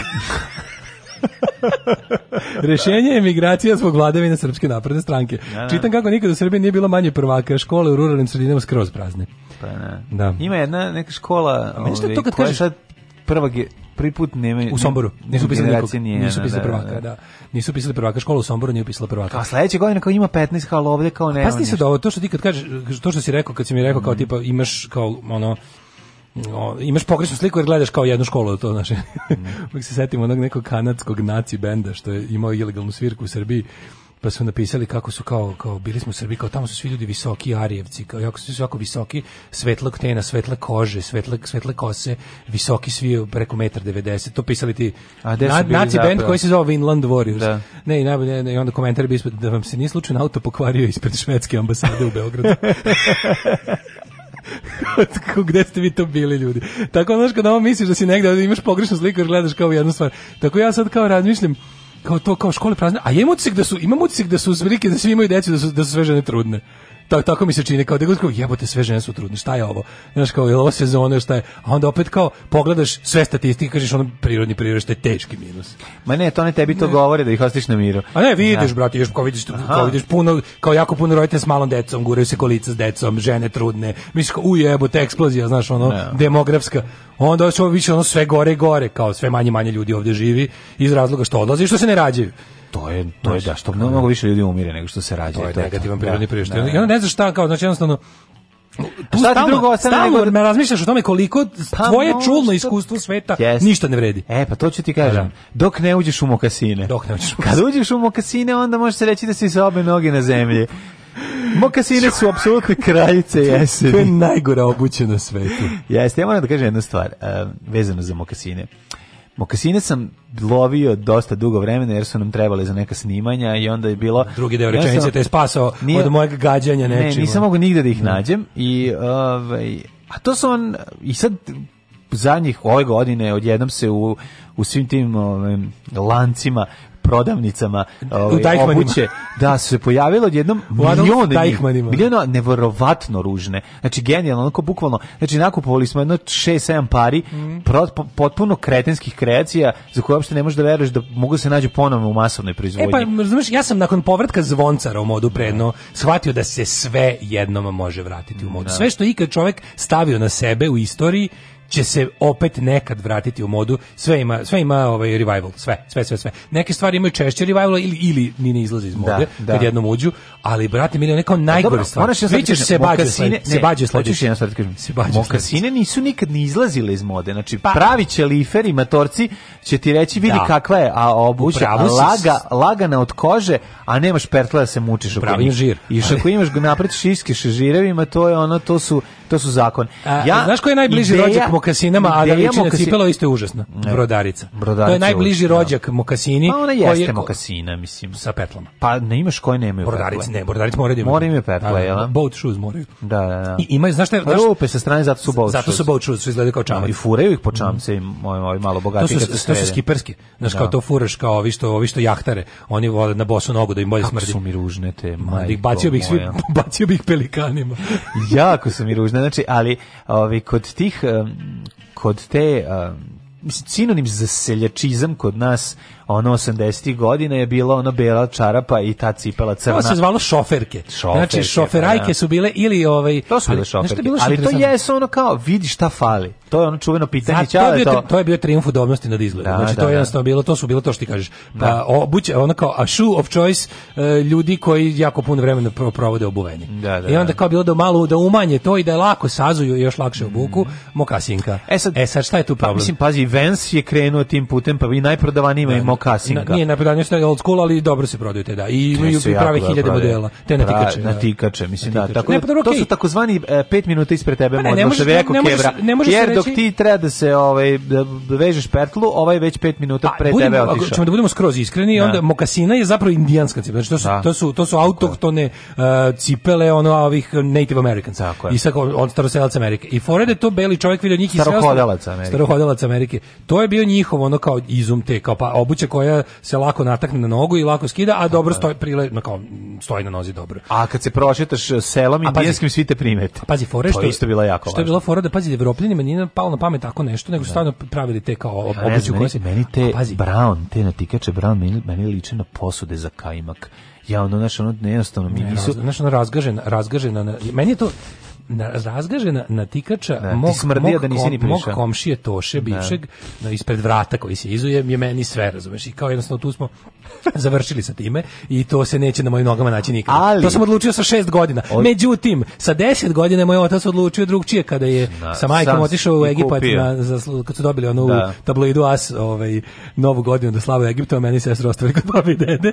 I sad kao, znaš, Keva je otprilike zbog griže savjesti nam donela gomilu lepih stvari, a tata je iskoristio da od pošte poštenog Hameda trgovca u Luksoru. Kupimo kasine. Kupi meni takvih sranja. Znači, on je meni donao, on je meni donao nešto, znači, to je bilo kao, e, da, vidiš šta si donao, ovo je prva liga, vidi ih, prava koža s kožnim džonom. Ja, rekao, a ja gledam ono, da, da, da. već, Sramota, želim starke, da. želim starke, on mi vadi mokasine iz Egipta. Da, i, I kažeš što, šta fali. I onda me provocira, kao, vi ste su dobre, a ja ono kao, sve ću da, da izbegnem temu i da kažem, dobro, spakavaću mi hormon, pa eto, ako umre mlad, možete mi ih staviti u ono, Ili to, ili pokloniti rođicima sa sela. Ne, nemamo, ali ovaj, kako, nisam znači sledeći spalice. Komisijski spalice. Nisam znao da će sledeće godine da će izbjeglice. Pa da Jel Čale doneo, nisam znao da će biti izbjeglice sledeće godine, ona pa da će mi i one biti dobro. To je iste godine, to je bila, to je bila sreća nova 91.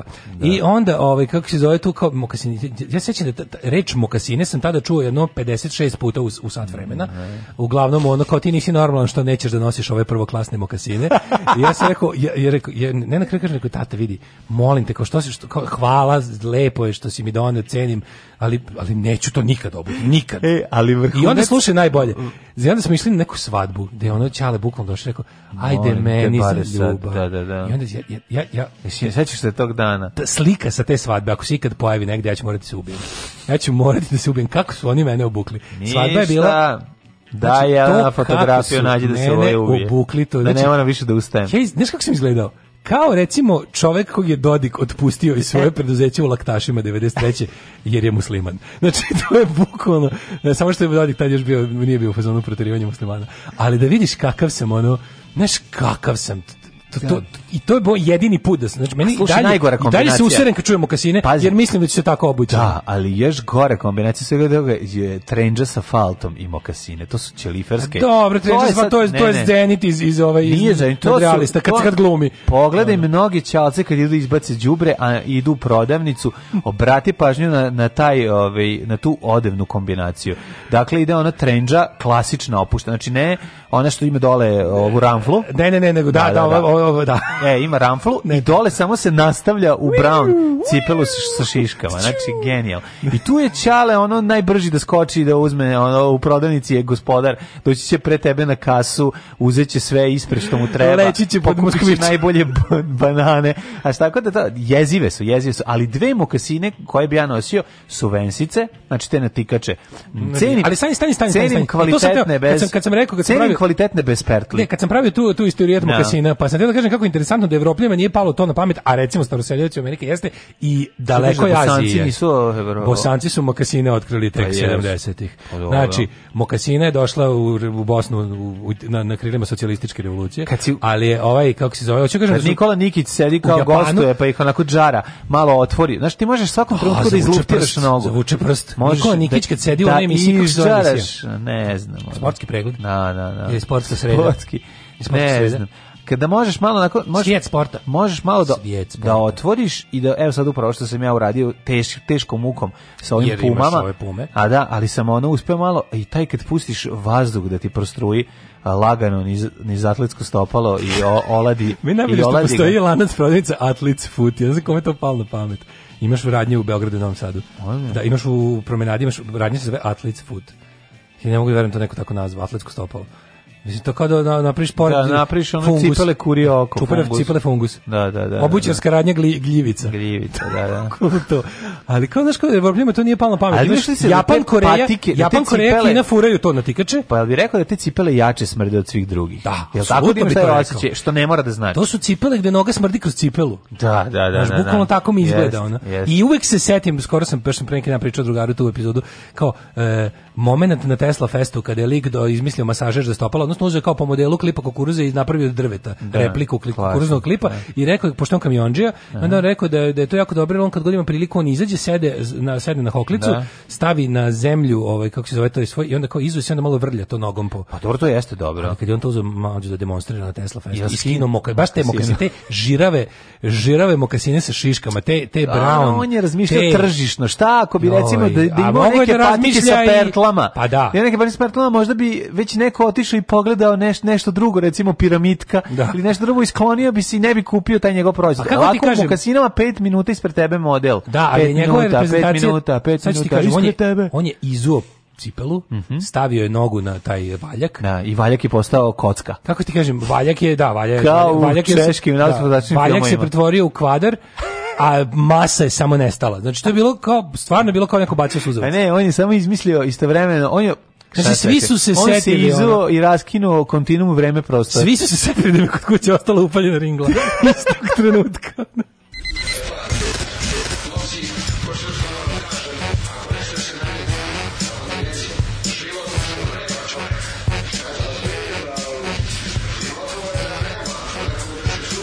Alarm sa mlađom i Daškom od 7 do 10.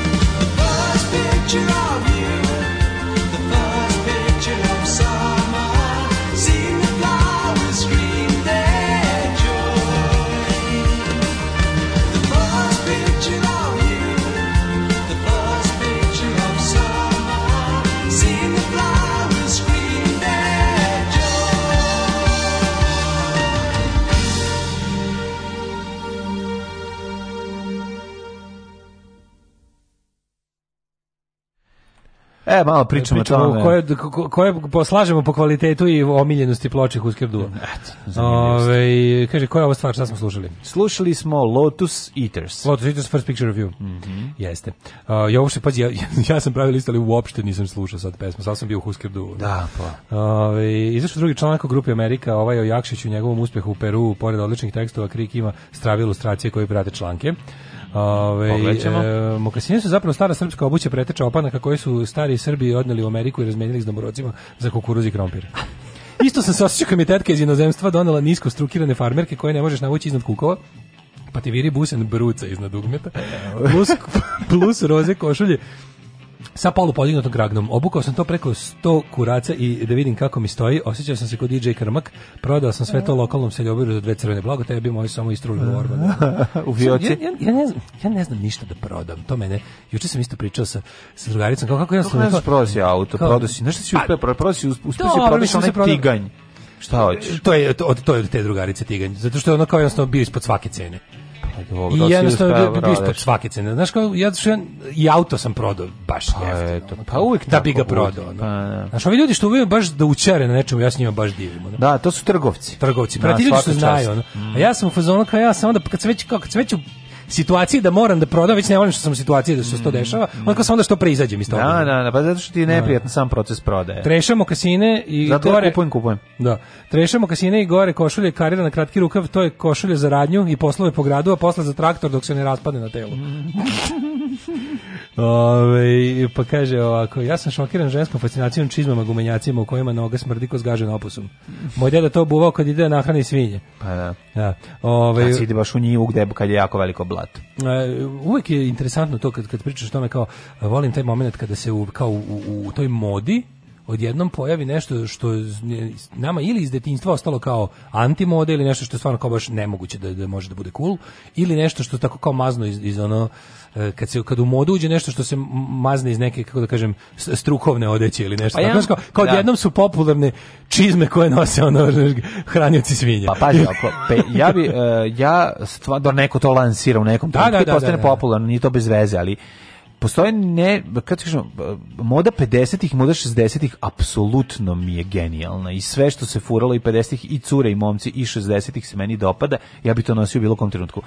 Kod 70-ih sam prilično onako uzak u tome. Znači ono te te ove pa, limarije, limarije od pantalona 70 ne glam podnosi, ili da. glam da. ili punk. Znači ono kao pa, imaš da, da biraš i onda je. glam ne odabereš, jebi ga. Pa dobro, i glam je okej, okay, ali, ali glam je glam je 70 dovez, doveden do apsurda da, potpunog, znači.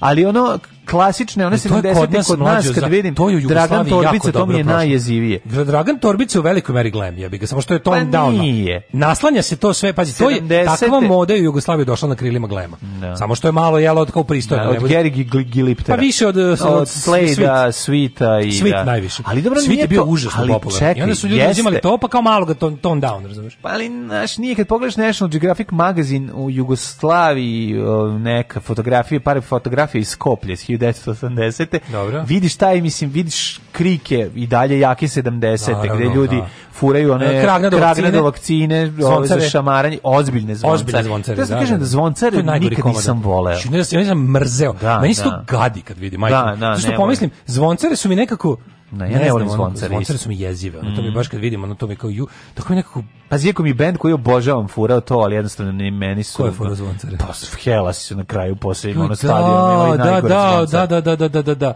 Dobro, oni su obrnuli pun krug. Pa nema veze. Mislim, oni su u svom tom, ono, metal punku na kraju stigli do ne, 70 ti kažem da meni ne smeta da sa gitaristima zvoncare, meni smeta da ih ja ne bi da. nosio. Da, da, da, da meni da. je ono, znaš, ono, ja bi da suzim do, da, pantalone, da mi ono, ima sad taj neki revival odlične muzike, treba to, treba to kao poslušaš, ja te stalno pujdam, a ti nikako ne. da me poslušaš. Ima taj revival te neke kao glam rock muzike, bendovi, ja sam gledao taj... Mm, Koji bendovi? Italijanski neki bendovi, Juda i tako to. Omo, Juda, sigurno, Juda sa svitim e, ali sigurno će ti se dopasti. Znači, pa ima da oni su, to su kao neki skinsi u zvoncarama. A, u majko moja, daj mi tome. Ali skinsi su bili stvarno sa zvoncarom početkom 70. Jesu, kad nisu imali druge pantalone. Da, ima, ima iz politikinog zabavnika iz 73. piše, naučite da plešete skinheads. I onda imaš to, to. I onako nacrtano ilustrator da. zabavnikovi uradio, kao naučite da plešete skinheads, i onako ti kao, sve kao skinsi, tregeri, košulje, i dole zvoncar, i da, čizme. Da, i čizme. I da. čizme. Da. I onda, ali su zvoncare, znaš, ti mm. danas znaš da smo posle skinsi, ovi punk skinsi iz 80-ih su svi imali uske i da, kratke frulic, farmerice. Frulic. Teške, ono, da, da helanke da, da. A dobro, uske, A prvo su bile, uske prvo skraćene su 50 isto. Jeste, da. Znaš, ono, da, da, 60 da, se vidi čarape, mhm. a, ono, a onda na to jako lepo ide pa ritam čizme. modovi su furali, modovi su pa furali tako sta presto dela sa, sa faltom, ali onako da se vidi čarapa. Da, da se vidi čarapa Da, čorapa da. i onda ovo delo to takozvano da. tonik sud. To se takozvano zove pa ima poplavu u kući, da. u pantalone. A to kao da. tonik sud gore i onda i maramica u PDŽ-u, no? Da, ali mislim da krajnje vreme da, uđemo možemo u jet pa Ovakvi da, puni znanja ovakvi, o modi. Pa, da, pa, da, Spremni da, smo mo, Moda od labuda.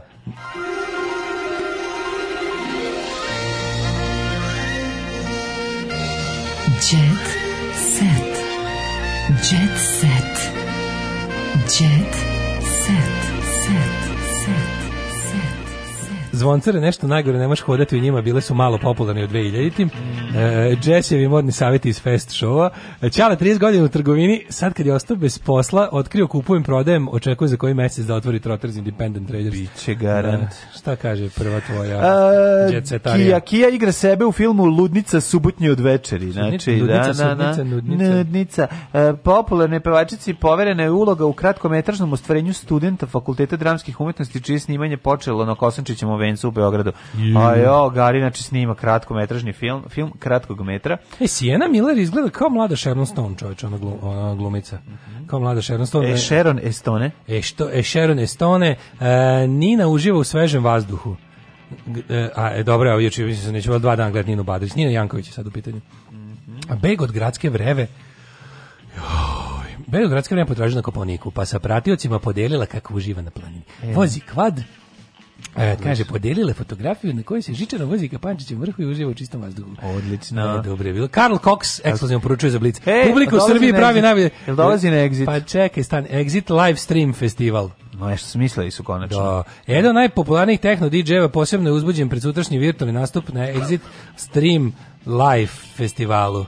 Jedva čeka da proba naše... Oni dolaze, dolaze ovde. Dolaze DJ USB. Čekaj bre, jebote, oni dolaze ovde, i oni će da streamuju odavde. Pa da. Pa dobro, okay. Pa dobro što smislili, šta? Najsrećniji su oni koji će uživo pratiti festival. Livestream će online u prenosu putem zvaničnog sajta i Facebook stranice Exit moći da prati milioni širom sveta, a za određen broj ljudi biće moguće i da uživo sa Dance Arena uživaju. Video sam da će oko 500 ljudi imati priliku da uživo prati nastup. To čekaj, će biti on to će sada... biti najsrećniji ljudi u Srbiji. Čekaj, čekaj, on, on to pušta na Dance Arena kod BC-a. Tamo će da bude, da, znači. Juče sam video kad sam prolazio noćas, prave šta, opet no, negde oko 10 sam video tamo u ovom e, u fabrici tamo onaj kvar. Biće teški neka, neka, neka, nešto su napravili neku instalaciju, neke kao skele u boji. Pa i odatle će isto vratno. Ja, to isto će da bude pa nešto. ne to je Exit live pa stream. A ne znam. Ne iz fabrike, iz toga. Ne znam, ali znam da Gagi želi svoji deci da majku nađu mrtvu. Samo da kažem, Karl Cox je dob, dob, dobar fac, ja ga volim zato što je bio ovaj, imao veze sa antifašističkom akcijom svoje vremeno, podržavam. Uh, a, uh, Anabela opet Anabela. oplela po bivšem, Anabela ti je spričao u odnosu Lune i Marka, priča se o, o, o, o Keeping Up with the Joganians. Naravno. Mm -hmm. e, e, nakon svadbe selitba u Grčku kako je strašno, lepo. Srpski košarkaš potpisao ugovor sa Panathinaikosom, novopečeni bračni par, zamenio je porodičnu vazu u Milanu, u Milanu za luksuzan stan u grčkoj prestonici. Mhm. Mm Grčka prestonica. E, Što lepa ova njegova žena. Lepa u, pa, lepa paravima vraća dugo 12.000 evra na kocku. On lepa. Lepa. Je, lepa. O, razboli, o, razboli se i umri. Se i dođe pekar da kaže... Uh, Sandra razmenjivala nežnosti na plaži i mamila je poglede. E, dobro. Uslikana pevačica u Ulcinju u muškom društvu samo da znaš, i mamila poglede. Bosiljčice, I uzdahe. Ka Bosiljčice vratio sa odmora. Šta radiš, mami uzdahe. Znaš da to radiš? Mami mazdahe. Da, da. E, vratio sa odmora. Juče zviždim na brodiću, danas stružim po glavi. E, da, da. Juče zviždim po brodiću, danas zaglavljen u gradu. A maštam da diram. Bio je kliču. u Istri. Ivan i Jelena su sam kraj leta pa nije sam kratki, leto je do 22. septembra. A da. Sa čerkicom Ninom proveli uživajući u Istri, a nakon predaha sačekali su ih po povratku kući mnogi obaveze. Ivana, Nina, Ivano, Andrej, ja, koje su obaveze? školu. Ja, nisu oprali sudove, nego da, su ih da. samo, ovaj, nisu ih um, skroz oprali, nego samo proprali. Bela Hadid ima lajmsku bolest. Bloody help, to je jako zajebano. Pa da. Ja, vidi što se usukala, ne valja. Jadno. Um, Gde je ujeo ovaj krpelj? Ja voliš ti, voliš ti Vesna Đogani? Da li su ovo, šta, ko su ovog, šta Vesna Đoganina? Sve su neke zvoncere celom dužinom. Pa dobro, da, da. Nekao da. gadna ovde, ovde će. Jeste. Da, užasna je ovaj. Volim Vesnu Đogani zato što ne ulazi, ne, ne ulazi, ulazi u fajtove, ne reaguje. ne reaguje na prozivke i na fajtove i to mi se dopada kod nje. Uš, ti vidiš što je u stvari sada buknulo? Anabela je rekla Hamid Đoletu. Da, da. Sve vreme si zaljubljen u mene. A, teške reči. Da, da, da. Ovo je, izvini, kako si prešao preko ovoga? Ovo je, ovo je The Bomb. Što nemam to ovde. Moram da kažem Ana da ja Bela, verujem u to. Sve vreme si zaljubljen u mene. Ja verujem u Đole, to i dalje. Šta ali imaš dijagnozu. Jedna osoba je rekla da je zaljubljen u mene, počinjem da sumnjam, beznadežno je zaljubljen u mene. Udala sam se ponovo, on konstantno priča o meni, na šta Đole odgovara. Nemam potrebu da razgovaramo o njoj. Mislim da su ljudi najzad shvatili ko je ona i čime raspolaže što se mozga tiče. ne, reči jesu njegove igračke. Ja ne sad da kažem, znači kad ti reči znači, jesu znači, njegove ne, igračke. Sad, kad ti, ovaj kad trebamo čitamo nešto njima, a ono meni odmah u glavi jedno leto na bićarcu kad je stigo geng, stavio ćebe, pravo ćebe i po za 5 minuta je bila tuča. Znači, i tu sam prvi put u životu vidio dvostruki šamar. Znači, to je znači, ne, ne, u istom trenutku sa obe ruke. ruke. Tako da nema glava na koju stranu da ti sa obe. Šta je to? To nije u redu, to je zabranjeno ženama konvenciju. Ja mislim da jeste. Tu piše da se ne sme. Tako da, znaš, ono kao, kao vidite šta smo uradili sebi, znači... Šamar šaulici. Šta smo uradili sebi ovde kad smo ušli, znači dupli šamar. Sve ćemo vama. Da- kad krenemo da čitamo kao šta je sledeće, ja odmah sećam, setim te situacije. Te fajta, Znaš, ako ono koja je za, zeznuta, onako napeta situacija u je bilo gang. svega bičarački fajt. Bičarački geng je stigao. Tako da, verovatno smo mi njima bili tako zanimljivi, nova svađa egzotični. Krenula, nova svađa je krenula kad je Anabela poručila Joletu da se odrekne. Nova duga, svađa je krenula, došao je kraj, ništa je ne zaustavlja. Došao je kraj. došao je kraj. Tekst čitali Mladin Urdarević i Daško Milinović. Ton majstor Richard Merc. Realizacija Slavko Tatić. Urednik programa za mlade Donka Špiček. Alarms svakog radnog jutra od 7 do 10.